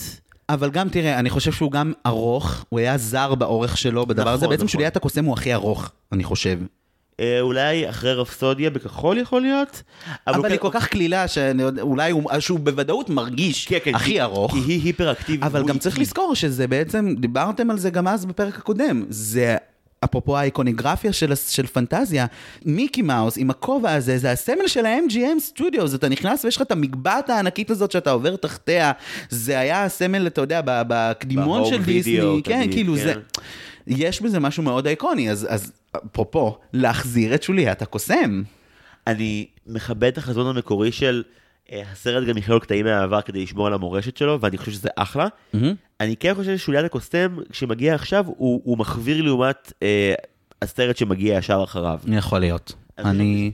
בקרב של מיקי מאוס נגד דונלד דאק, דונלד דאק לוקח בסרט הזה בנוקאוט לדעתי. אה, אה, כן, אבל שוב, אני חושב שבשביל הילדים אולי יש בזה גם חלק מהקסם. שוב, אני מאוד אוהב את שוליית הקוסם גם כיצירה, אז אתה יודע, אני אולי קצת לא אובייקטיבי, אבל לא, לא, לא יש בזה משהו מקסים. ואני חושב שמבחינה היסטורית מקומו אכן פה. אני גם חושב. בהתחלה סטיב מרטין אומר על העניין של ההמשכיות עם הסרט הזה ומראים את כל השקפים מאחוריו ו- ושליית הקוסם כבר צץ עם המוזיקה שלו על ההתחלה בקטע של אם מדברים על מה זה פנטזיה, שוליית זה. הקוסם זה פנטזיה. זה ה image, חד משמעית. ואם אה, אנשים כמוני יבואו ויגידו, אה, זו הבחירה הפופוליסטית, מישהו יגיד לי, זה דיסני, ברור שהם יהיו פופוליסטים. הסרט הזה הוא הדבר הכי לא פופוליסטי שהם עשו, תן להם קצת hooks שפונים למיינסטרים. אני מחזק. וזה בסדר גמור, אין לי שום בעיה עם זה, מה גם שוליית הקוסם הוא כן סיקוונס מאוד, מאוד עוצמתי. קשה לזכור עד שאתה רואה אותו ב- ביחס לסרטונים החדשים, כמה מפחיד הוא באמת. נכון. אחרי כל הדברים החדשים והיותר ניסיוניים וחייל הבדיל שכאילו מין הרגעים המפחידים בהם יחסית מהירים, מאוד. פתאום הבנייה האיטית והמבעיתה, הרי כשאתה רואה את שוליית הקוסם בסרט הזה ב-2000, כל סיקוונס החלום של מיקי בזמן שהמטאטים מתחילים, המטאטים מתחיל למלא את כל המקום במים, אתה זוכר לאורך כל החלום מה קורה במציאות, ואתה מתחנן שהוא יתעורר כבר מאיזה סיוט. זה כי- מפחיד. כי הם לא מראים לך, אתה יודע, היום ב... אני לא אומר שזה נכון או טוב יותר, אבל היום המון פעמים הטכ- הטכניקה של יוצרי קולנוע, זה אם משהו היום ונורא קורה, אני אראה לך אותו קורה, ובמקביל אני אראה לך את הדמות האחרת לא מודעת. דווקא ב... ב... בגרסה של שוליית הקוסם, שזה בוא תראה את כל החלום של מיקי והגלקסיות. בלי שיהיה לך אפילו רמז למה קורה במציאות, ואתה יודע, אתה יודע, כי הראו לך שהמקום הולך להתמלא עד, עד זוב דם במים. וכשזה חוזר אתה פשוט מרגיש זוועה. כן. אה, חשוב להגיד שכאילו קפצנו, אבל שפן וטלר נכון. מציגים את שוליית הקוסם. שזה צמד הקוסמים התורן בתקופה ההיא, שהוא אחד הגדולים. שהם קוסמים, הם כאילו קומיקאים, ואיך כתוב בערך שלהם בוויקיפדיה, הם סקפטיים לגבי מדע. ככה כתוב כזה science skeptical, באמת, נשבע לך? וזה קטע שהם כאילו באים ועושים פה את אותו דבר על קסם. כזה, זה הכל שטויות, זה הכל אשליות, עובדים עליכם, אל תאמינו לכלום. אה, ותמיד יש את ההוא השקט שכאילו הורס את הכל אחרי שהוא גוזר לו את הקור, כאילו הם באים... כן, הם- צמד שכאילו אחד הוא האחד שמדבר והוא כאילו הפטפטן, זה הטרופ הכי קלאסי של קומדיה של קוסמים. בדיוק. יש לך את הקוסם המציג, הפרזנטור שמדבר והוא תמיד מדבר יותר מדי, והבחור השקט שהוא הוא הקוסם האמיתי, הוא עושה את כל האחיזות עיניים. ומה שיפה בסיקוונס הזה שדווקא מראה שהוא מאוד מותאם גם לזמננו אנו לדעתי, זה שהוא פשוט מתקתק. ברמות. הם, הם עושים איזה 20, אני מגזים, איזה שמונה תשעה קסמים חזותיים ברצף, בחצי דקה, אה, מסתיים בגזירת קוקו חגיגית של הבגיש עם השיער הארוך, והאמירה שלהם של, אנחנו אה, מאחזי עיניים, אשליות זולות, אבל הקטע הבא הוא הקסם האמיתי. נכון, זה משהו מקסים בעיניי. זה כל כך, אה, זה כאילו חזק, הם בעצם אומרים כזה, הרי כל הקטע של דיסני זה כזה, believe in magic and you know uh, everything you can imagine, blah, blah, blah. וכאילו פה הם אומרים, הכל שקר, אנחנו מוכרים לכם כאילו כובע של מיקי מאוס ב-27 דולר, וכאילו הכל, הכל אשליה וחרא על כולכם, אבל תראו איזה מגניב עכשיו הולך להיות. ממש. זה קסום בעיניי, צוות, צוות קוסמים בא ומרים לשוליית הקוסם, אחלה מוב. לגמרי. אנחנו, אנחנו לא נדבר עליו יותר, כבר בפרק הקודם חפרנו מספיק. אה, נכון. מיל- מילים אישיות שלך ליצירה, אתה מוזמן, אני יודע שאתה אוהב. Um, לא, אני, דבר ראשון אני uh, uh, אגיד שבפרק הקודם, עד, uh, מה שנקרא, uh, הכל כל זיו, המילים מילי, מילותיו של ערן, um, וממש אמרת את, uh, את הדברים החשובים שנתתי לך. במקומך בפרק הקודם. ממש. שוב, מקסים, אני מאוד אוהב את הסקוונס הזה. אני חושב, כאמור, שהוא ראוי להיות במקומו אה, בתוך פנטזיה 2000. מה שמאוד תפס אותי בתפיסה, בצפייה הזאת, זה שמאוד יפה שהם השאירו את ה section בסוף, כשהוא ניגש לליאופולד סטוקובסקי. סטוקאוסקי, mister סטוקאוסקי, אה, שהוא, אה, אה, שהוא ניצח ותזמר את כל מה שקורה בפנטזיה המקורי. זה מקסים בעיניי שהשאירו את זה, זה נותן לדבר כל כך הרבה כבוד, וכאילו באמת מראה שאף על פי שזה רק סרט ההמשך, הראשון שנעשה לסיפור הזה, יש פה כל כך הרבה היסטוריה ומורשת וכבוד, וזה מקסים בעיניי, באמת. וזה שהוא רץ משם לג'יימס לוין, כאילו, ויוצר את התופרת הדבר הזה, כי ראית את, אה, את הסימפונית של שיקגו, אגב, הנה, אפילו לא אמרתי את זה, זאת אומרת, ראית אותם כבר יושבים על הבמה, ראינו את הדבר הזה קורה, אבל הנה, עכשיו ניתן רגע לג'יימס ליוויין להגיד משהו, והנה, אני הולך להטיל את הפצצה. אני לא יודע, אם כולם מוכנים, דמיין שאמרתם כן. הם, הם, הם, הם צועקים, הם צועקים, כן? עכשיו בטירוף. הבן אדם פדופיל כאילו נוראי. לא, מה? הבן אדם פדופיל נוראי, זה היה איזשהו הסכם שתיקה כזה שכבר משנות ה-80 ידעו... מנצח החמוד מפנטזיה 2000 פדופיל? אהה, כבר משנות אה. ה-80 ידעו, הוא היה המנהל המוזיקלי של האופרה בניו יורק, ששילמה מיליוני דולרים לג'יימס על אה, השתקה. זה התפוצץ לפני כמה שנים, הוא סיים את הקריירה כאילו בבושת פנים ב- ב- ב- באופרה בניו יורק, הוא בכלל, הבן אדם כמובן מאז לא עובד, היה שם כל מיני מיליון, מיליוני אה, דולרים בהסכמי הפרישה אני כל וכל כך מיני עצוב כזה. שסיפרת לי אבל. הבן אדם הוא, כן, הוא איש לא טוב. אתה מבין שמה וזה זה- שמיקי ניגש אליו, ואני אומר לעצמי בלב, לא מיקי, אל תיגש אליו. למה צמד, אה, צמד סוציופטים נפגש? לא, גם כאילו, המחשבה שמציקה לי זה כאילו, האיש הזה עוד שנייה הולך לפנות למסך ולדבר עם הילדים, כאילו. כן, כזה תרחיקו את הילדים ילדים, אל מהמסך. עם ג'יימס אם אתם- נערים אפרו-אמריקאים, תתרחקו. נוסו לנפשותיכם, אוי, איזה פרט מבאס. ממש. אני כאילו רציתי אולי להגיד את זה בהתחלה, אז אמרתי לא, כי אז זה לא. יבאס את כל הדבר, לא, אני לא מאמין. אבל לא יכולתי שלא להגיד את זה. לא, לא, יש לך אחריות פה. אני פשוט כאילו... אוקיי, למי שלא ראה או ראתה, פה מגיע החלק שבו הם מרפררים באמת, כמו שאמרת, למקום, מראים קטע קלאסי שבו מיקי דיבר עם המנצח של הסרט המקורי, ואז בעצם הוא רץ ונהיה מיקי באנימציה אה, יותר מתקדמת ופחות יפה, ופונה בעצם למנצח של הסרט הזה. אה, כן צריך לציין שגם עם אה, ג'יימס ליוויין הוא מה שהוא, הדרמה שמתרחשת ברקע מופלאה, כי אה, ה number של דונלד עומד להתחיל, והוא... ולא מוצאים את דונלד. זה פשוט אה, על הוואן. זה מדהים כמה המון פעמים אה, יש הקבלות בין איך שדונלד ואיך שדאפי מתנהגים, כל אחד ביקום שלהם. זה מאוד דאפי דאק אה, לאחר על הקריאה שלו לאקשן. אבל לא רק זה, מיקי מתרוצץ שם ושומעים אותו כזה, או דונלד, כזה רץ וזה, ואז הוא פותח לדייזי את הדלת והיא צורחת, ואני כאילו תהיתי, איזה מין מסר זה, למה הוא לא דפק על הדלת? מה, אין שם כוכב כזה שכתוב עליו דייזי? מה, אתה לא יודע שזה החדר שלה? לא לימדו אותך לדפוק בדלת מיקי מאוס? א', יכול להיות שהוא רצה לראות לדייזי, וב', תזכור שבסרט הזה, אה, אם מישהו משמיע קול כלשהו על הייצוג של דייזי, דיסני יקומו ויגידו, תגידו תודה שהיא סוף סוף בסרט. לא רק שהיא סוף סוף בסרט, אנחנו גם, ממש עוד שנייה נראה את זה, היא גם כל כך הרבה יותר חכמה מכולם. זה מקסים בעיניי, היא הרבה יותר חכמה מדונלד הרי בוא. דייזי מוצגת בתור העזר כנגדו האולטימטיבי חד בסיקוונס הזה. משמעית. אז בגדול, הנה, לפני שאנחנו צוללים לתוך הסיקוונס אה, הבא, אני אציג אותו, מדובר בהוד והדר של המלחין האנגלי אדוארד אלגר. מאוד סגנון אירופאי, בסופו של דבר זה איזו אסופה של אה, חמישה מרשים. לפעמים שישה, כי את השישי השלימו מסקיצות שהוא השאיר אחרי מותו, אבל בגדול מתייחסים בעיקר לארבעה הראשונים, כאשר הראשון הוא הכי מפורסם, זה...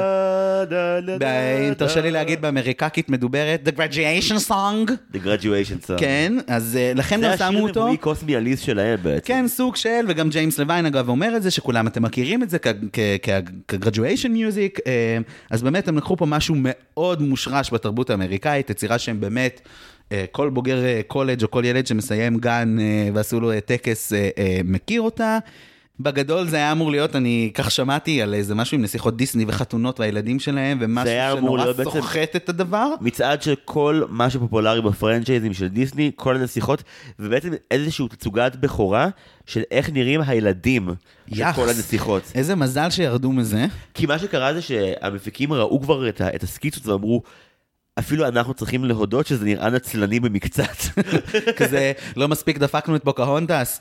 אה, ממש, עכשיו, אני אגיד שגם נורא מעניין שבתוך הגלגולים, כאילו המרש הזה עבר מלא גלגולים, מלא עיבודים, מקהלות, תזמורות, כל מיני, כאילו all over the place, ומתישהו הוא, הוא תפס את הכינוי Land of Hope and Glory, וזה כל כך מתאים לסקוונס שאנחנו הולכים לראות.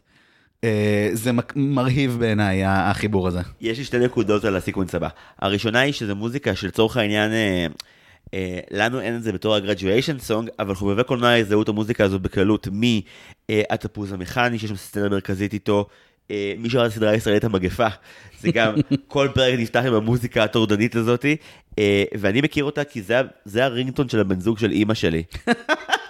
בווליום הכי גבוה שאתה יכול לתאר. שתיים בצהריים, יום שקט, טה דה דה דה, אתה כאילו, זה מפחיד אותך לטירוף בטירוף. והדבר השני שיש לי להגיד על זה, אה, ראיתי את ה sequence הזה לפני פנטזיה 2000, כי לפני משהו כמו אה, חצי שנה, היה קונצרט אה, שבו הפילהרמונית ניגנה קטעים מפנטזיה, ואורח עבר בהסכת, עמית סלוני מוואלה, אמר לי, אתה רוצה? אמרתי לו, ברור אני רוצה. אה, והגענו וגילינו שזה בעצם אה, ערבוביית קטעים מפנטזיה ומ-2000, אז קיבלתי ספוילרים לפה.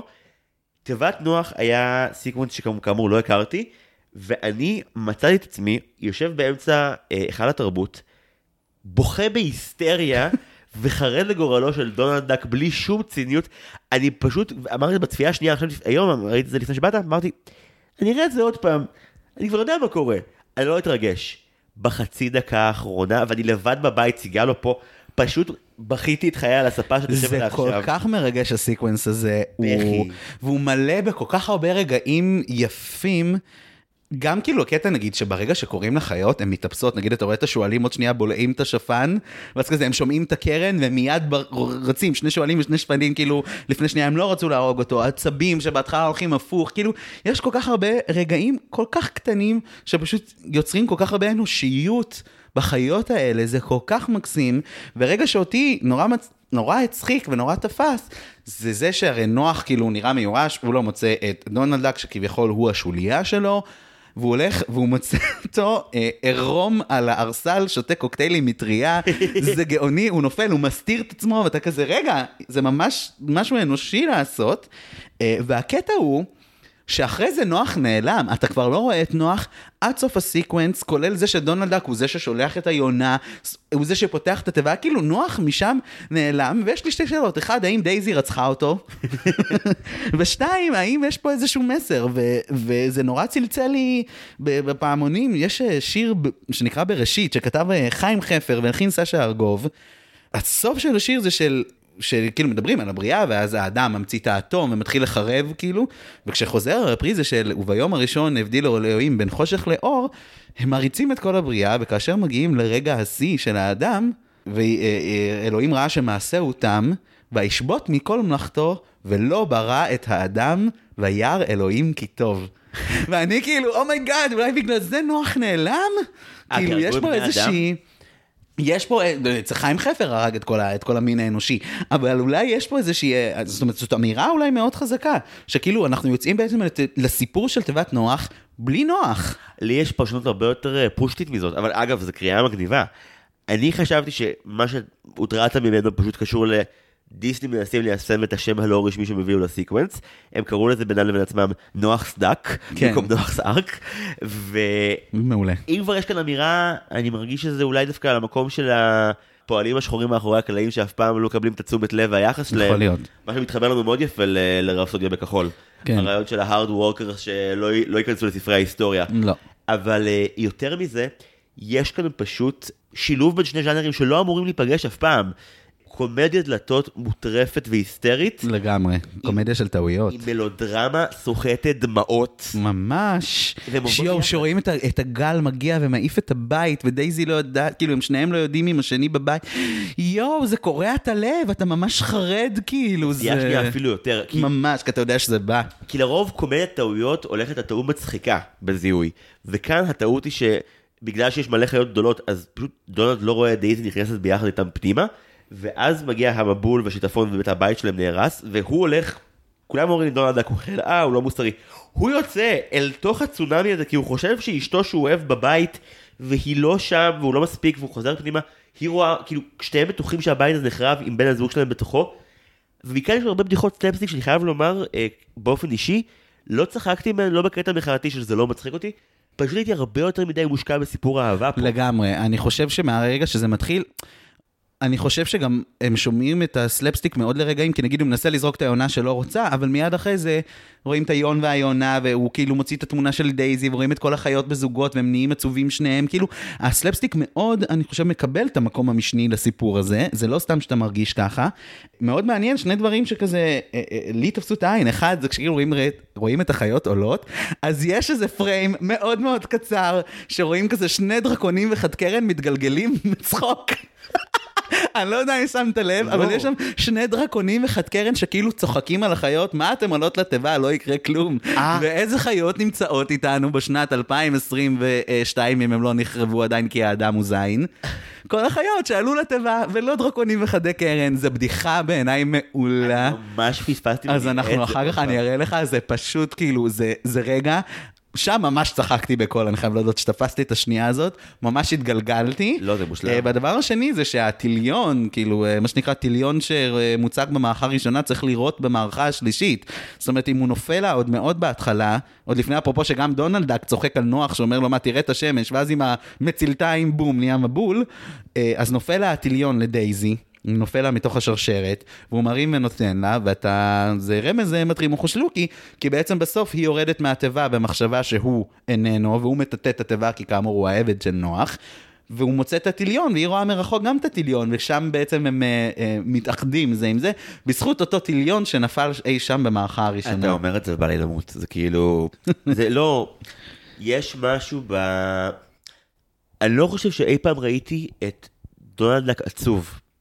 מה עצוב? הוא, הוא מזדקן לך מול העיניים, הוא נהיה, הוא מתגעגע אליו, והוא לא רואה אותה, ואתה יודע, וזה משמעותי לו מאוד, וכאילו, עד כה דונלד היה בעיקר כוכב של סרטונים נורא מצחיקים בדיסני, והוא נכון. הוא גם, הוא, גם, הוא גם דמות לא מוסרית, דמות שפוגעת באנשים. פתאום אתה מבין שפתאום נכנסים לזווית הזאת שבלי אה, בלי דייזי אין לו טעם לחיים.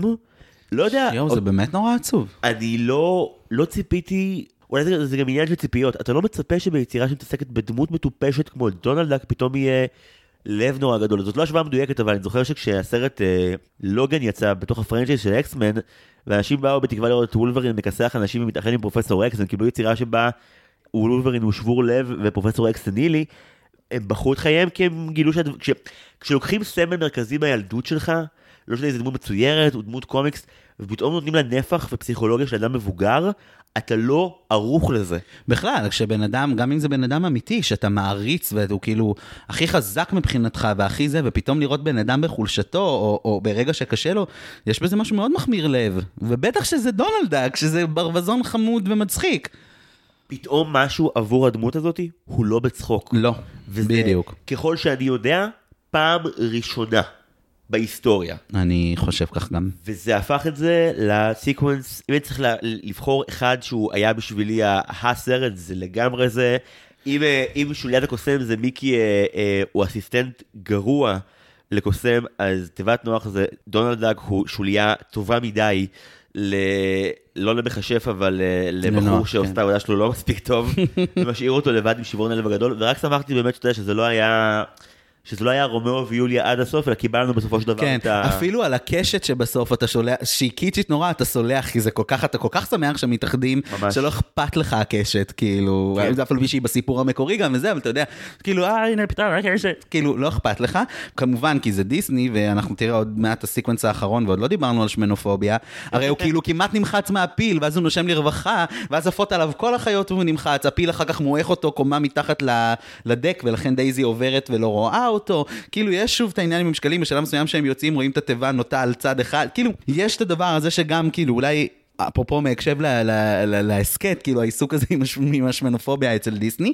ודבר השני, מוסיפים את המקהלה בסוף ואת הזמרת, אז אם כבר על ג'יימס לוין הרסתי לך, אני אספר לך לא. שהזמרת, קטלין באטל, היא סופרן אה, אה, אמריקאית.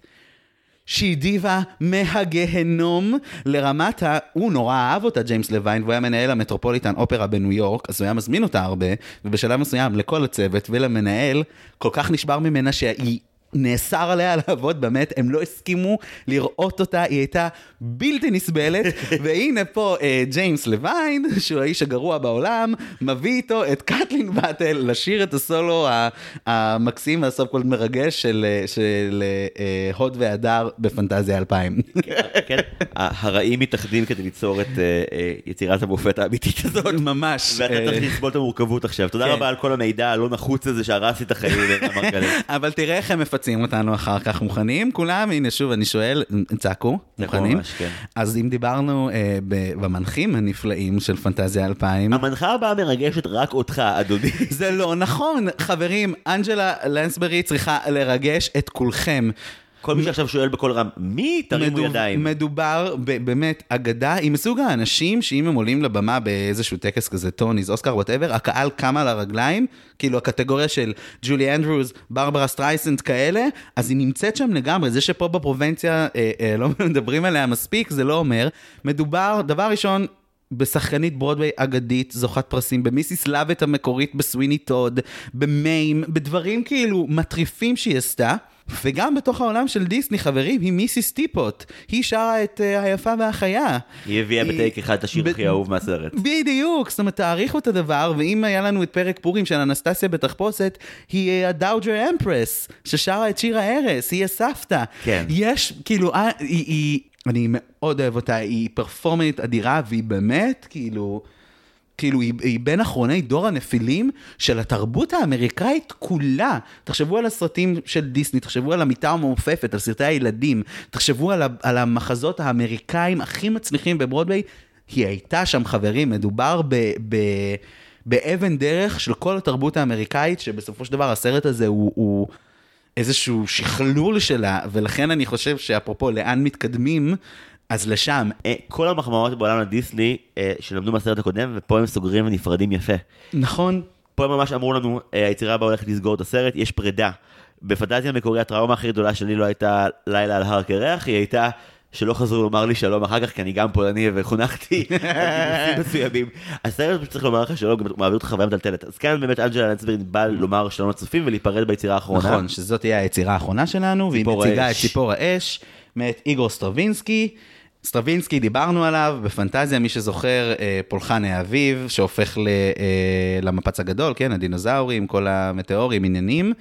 ואילו פה אנחנו מדברים על, על פאזה קצת אחרת, ציפור האש קדם לפולחן האביב בשלוש שנים והיה הצלחה מסחררת. זה חלק ממה שהוביל לסקנדל של אה, אנשים הולכים מכות בזמן אה, אה, פולחן האביב. אה, יצירה פנטסטית, גם מושרשת במיתולוגיה הרוסית של ציפור האש ובהגדה הרוסית של אה, אה, קשצ'אי. אה, מדובר בגדול אה, בנסיך איוון, מגיע לאיזשהו יער מחושף, זה היער של הנסיך קצ'י מסתבר, רואה שם את ציפור האש, הוא חס על חייה, אז היא נותנת לו נוצה, שהוא יכל להזעיק אותה בעת צרה, ואז הוא רואה נסיכות מחושפות, כמובן מתאהב באחת, הוא רוצה להציל אותה, מגיע קצ'י עם העבדים שלו, הוא מזעיק את הציפור, היא גורמת להם לרקוד ריקוד, אפרופו המוטיב של אה, פולחן האביב, שמעייף אותם, ובזמן שהם עייפים, היא מראה לו איפה נמצאת הביצה שבה גלומים הכוחות של קצ'י, הוא משמיד אותה, סוף טוב, הכל טוב. זאת אומרת, זה, יש פה איזשהו מיקס של דמויות מיתולוגיות וכמה סיפורים מהפולקלור הרוסי. שסוף טוב זה לא מובן מאליו ביצירה סובייטית. בדיוק, אז פה יש סוף טוב, ויש גם את ההשפעות הרוסיות במוזיקה, אבל פחות שבטיות כמובן מפולחן האביב. יצירה, דיסינקלר, אחת האהובות עליי. אני בדיוק היום, לכבוד הקלטת הפרק, הקשבתי לבלט כולו, לא לסוויטה. תהיה לי בריא. לבלט כולו, 40, הוא לא ארוך, 40 ומשהו דקות. תענוג, באמת, תענוג, אה, אה, יצירה שאני כל כך אוהב, היא, היא עושה לי צמרמורות. הפינאלה שלה, שעוד מעט נדבר עליו, פשוט אה, באמת יכול לעלות לי דמעות לעיניים מרוב שהוא יפה. מעניין מאוד שמה שהם עשו פה זה לקחת את הדבר הזה ולשים אותו על התפרצות הר הגעש סנט הלנה. זה הר געש שנמצא במדינת וושינגטון בארצות הברית. אה, דיסני רואה אותו אחרי ההתפרצות, היה שם הרס נוראי. למעשה עד היום יש אגמים שמכוסים ב- בחתיכות אה, עצים. זה עד היום, השנה 2021, אנחנו באים, 2022. עדיין השלכות של התפרצות. כן, אנחנו 42 שנים אחרי ההתפרצות, ועדיין יש אגמים שמוכס, שמכוסים בגזעים אה, שפשוט נסחפו ונהרסו בהתפרצות הזאת. וההר עצמו באנימציה גם דומה. זאת אומרת, מה שעשיתי, חיפשתי את התמונות לראות. אה, אני חושב שהמבוגרים שישבו בשנת 90 ומשהו וחיו את התפרצות אה, הר הגעש בתקשורת, או ליטרלי באזור, תשמע, שליש מארצות הברית היה מכוסה בעשן וולקני, זאת אומרת, זה היה משהו נוראי, ואני חושב שפתאום אנשים, אם הם יסתכלו וזה יראה להם דומה, או יעשה להם אסוציאציה, יש בזה משהו מאוד קשה. זה מיד, אפרופו יטען, אם מדובר פה בסיפור שאמרנו שהוא פחות אה, נרטיבי, כמו חייל הבדיל או תיבת נוח, זה נותן לו אסוציאציה מאוד קשה כקהל. מצד שני אתה יכול להגיד, אה, המון פעמים כשהאסון קורה באמריקה, אה, בגלל שהמקום כזה חזק על קפיטליזם, אין אה, בהכרח אה, לקיחת אחריות ממשלתית.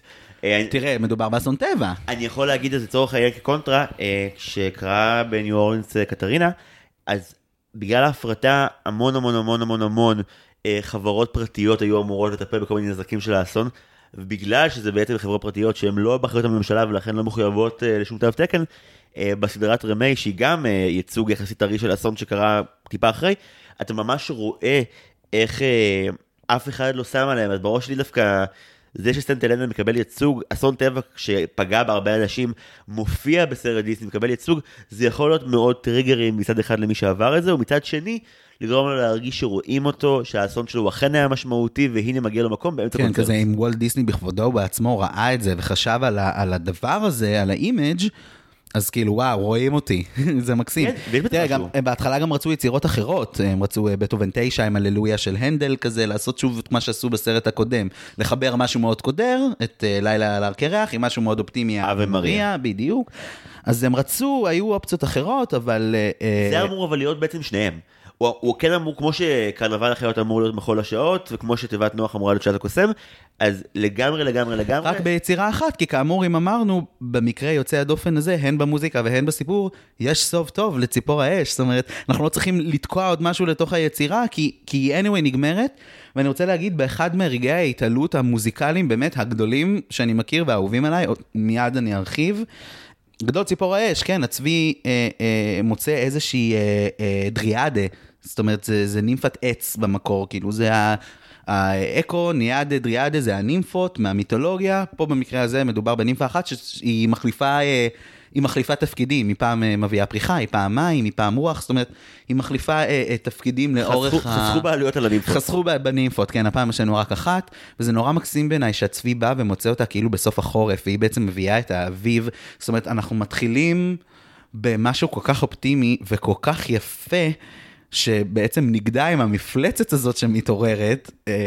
זה גם, אגב, זה גם כניסה נורא מבהילה, בליאם, כזה פתאום, ההוא קופץ, אני בטוח שאנשים בקהל שלא מכירים את היצירה קפצו, ויותר מזה אני אגיד שאחד מהסרטונים הוויראליים של שנת 2020 היה שמישהי בקהל אה, נרדמת בזמן ביצוע של ציפור האש, הסוויטה, וכשמתחיל בדיוק הרגע הזה, ויש את הבום הנורא גדול, היא קופצת וצורחת, וכל התזמורת והמנצח מתגלגלים מצחוק. שלב. יש סרטון כזה ויראלי, אה, אז אני חושב, זה נורא מצחיק שפה גם באמת לוקחים את זה לדבר המבהיל, היא לאט לאט הרי עולה אל תוך הר הגעש.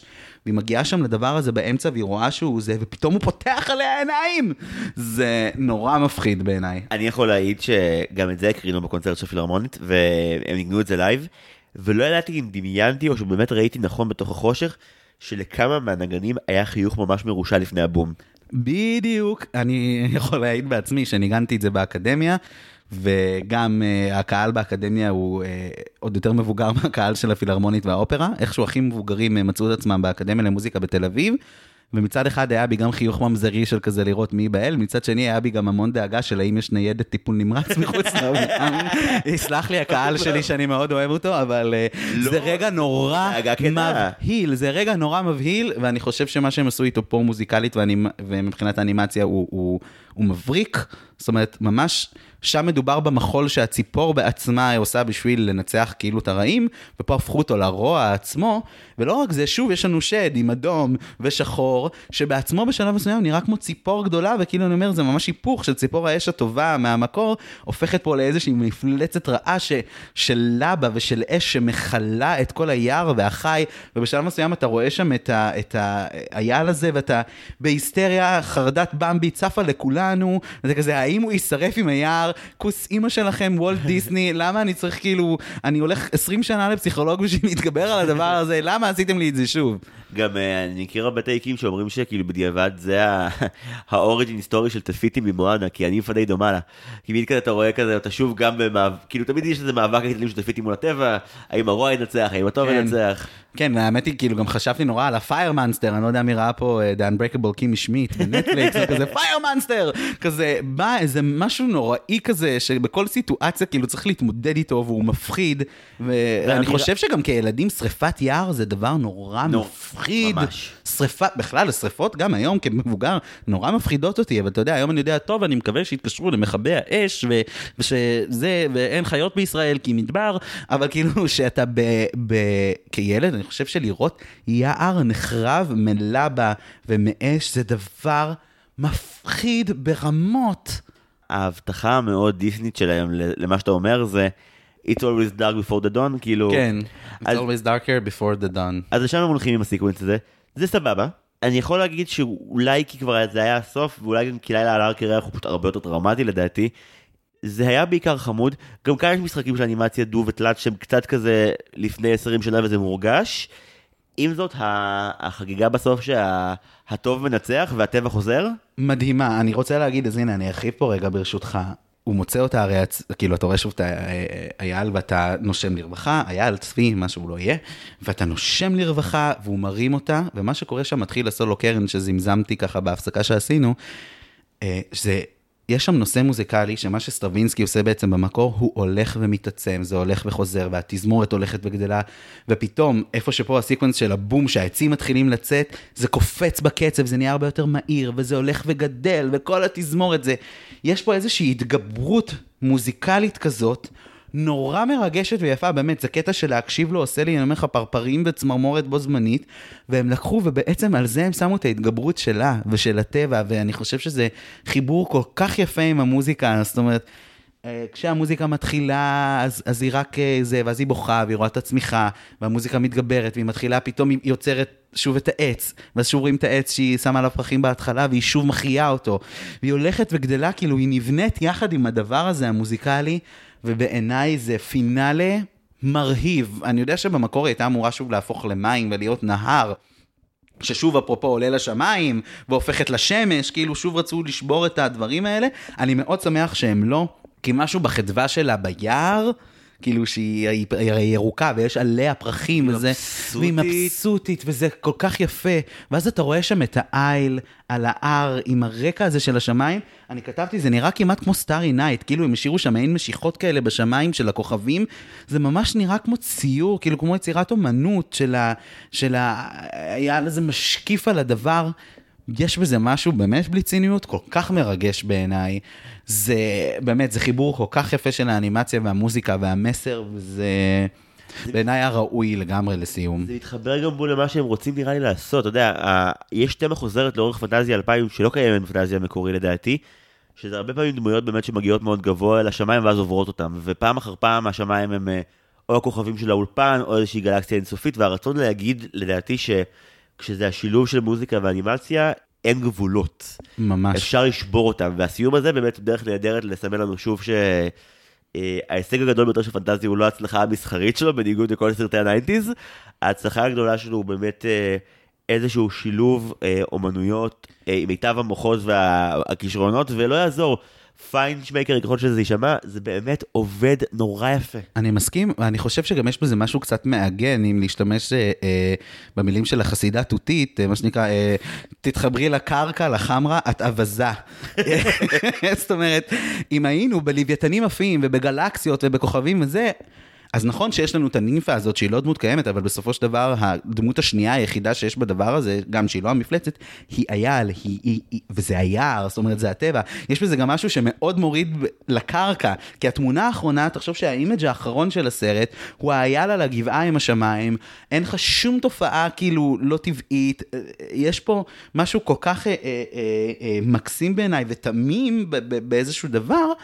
ולסיים בזה, אחר כך תחשוב שגם חוזרים, בניגוד לסרט הקודם שנגמר בחושך ואין סוף, כמו שאמרת, אז חוזרים פה ומה רואים עכשיו? את כל הצללים והכחול של התזמורת, פתאום הם אנשים, אתה רואה אותם קמים, אתה שומע קצת פטפוטים, עוד כזה כלים שכזה, עוד קצת עושים איזה... הם יורדים מאוד ברגוע. כן, הם יורדים, אתה רואה כאילו האנשים, יש בזה משהו מאוד מקר... מקרקע בסוף של פנטזיה 2000, שכזה מחזיר, ואני לא יודע, אולי זה המסר כזה של, תראו, בסופו של דבר ישבה פה תזמורת וניגנה, אולי תלכו לראות איזה קונצרט, זה אולי הפדגוג או האיש המוזיקה שבי שנורא רוצה לראות אה, תקווה ועתיד למקצוע. פשוט, אתה יודע, נראה לי, אם יש ילד או מבוגר שעוברים איזשהו משהו, אתה יודע, מטורף, הרגע הקטן הזה בסוף, שאתה רואה את כל האנשים האלה, והם כבר לא בתפקיד, והם כבר אחרי, והם פשוט אה, מפטפטים ביניהם, עומדים גם לצאת כמונו לעולם האמיתי, שבו אה, הכל עדיין מאוד לא מצויר ולא פנטסטי, ומוזיקה קלאסית עדיין מחוץ לקומפורט זון של רוב הצופים, כולל שלי אגב, לגמרי. זה פשוט סיום מרגש, כן צריך לציין שיש מישהו אחד שלא יוצא מהאולפן הזה אף פעם, וזה סטיב מרטין, שבשנייה האחרונה של הסרט שומעים אותו עדיין צורח. נכון. אם מישהו יכול להכניס את המצלמה אליו, או להחזיר אותו הביתה, אחד זה מהשניים. גג נהדר. אה, אנחנו נפרדים בעצם מהתזמורת ומסטיב מרטין שהיא קלה באולפן הזה. אה, לעד באינסוף. בגלקסיה רחוקה. אנחנו נפרדים מהמאזינות והמאזינים שלנו, ערן מרגלית, איזה מלך שבאת לפה. וואו, תודה רבה, היה לי כל כך כיף, גם כאילו לדבר עוד על סרט כזה שהוא כל כך אה, מדהים בעיניי ומרגש אותי כל פעם, והולך איתי כל כך הרבה שנים כבר, וגם לשבת תכלס ולדבר איתך על מוזיקה ועל זה בשידור. לגמרי, אחרי כל ייעוץ הסתרים וייעוץ הסתרים הגלוי, אה, להיות פה פנים מול פנים זה עונג גדול מאוד. אז באמת תודה רבה לערן, עוד כמה תודות. אה, תודה רבה למנחין של ההסכת, נועם טבצ'ניקוב, למעצב שלנו, טל סולומון ורדי, למחלקת התחקיר שמונה את אוריה אורן יוסף וסיגל צחורי, ולאחרית השיווק שלנו, סתיו צימרמן פולק, לאלו שמאזינים ב live. אם בא לכם להמליץ לחברים עלינו לעשות לנו לייק בעמוד הפייסבוק דיסני מכה פורמציה, או follow בספוטיפיי ואפל, ולכתוב ביקורת חמישה כוכבים, אין שמחים מאיתנו בזה. זהו, תודה רבה. ערן, שוב, היה תענוג אמיתי, תודה רבה. תודה רבה, היה לי כיף, ואמן שיהיו עוד פנטזיות בעתיד לדבר עליהן. והאמת שכמה שיותר אנשים יראו אותם, אני השלמתי בדיעבד, פנטזיה 2000 הוא יצירת מופת בעיניי, ממש סרט יפהפה.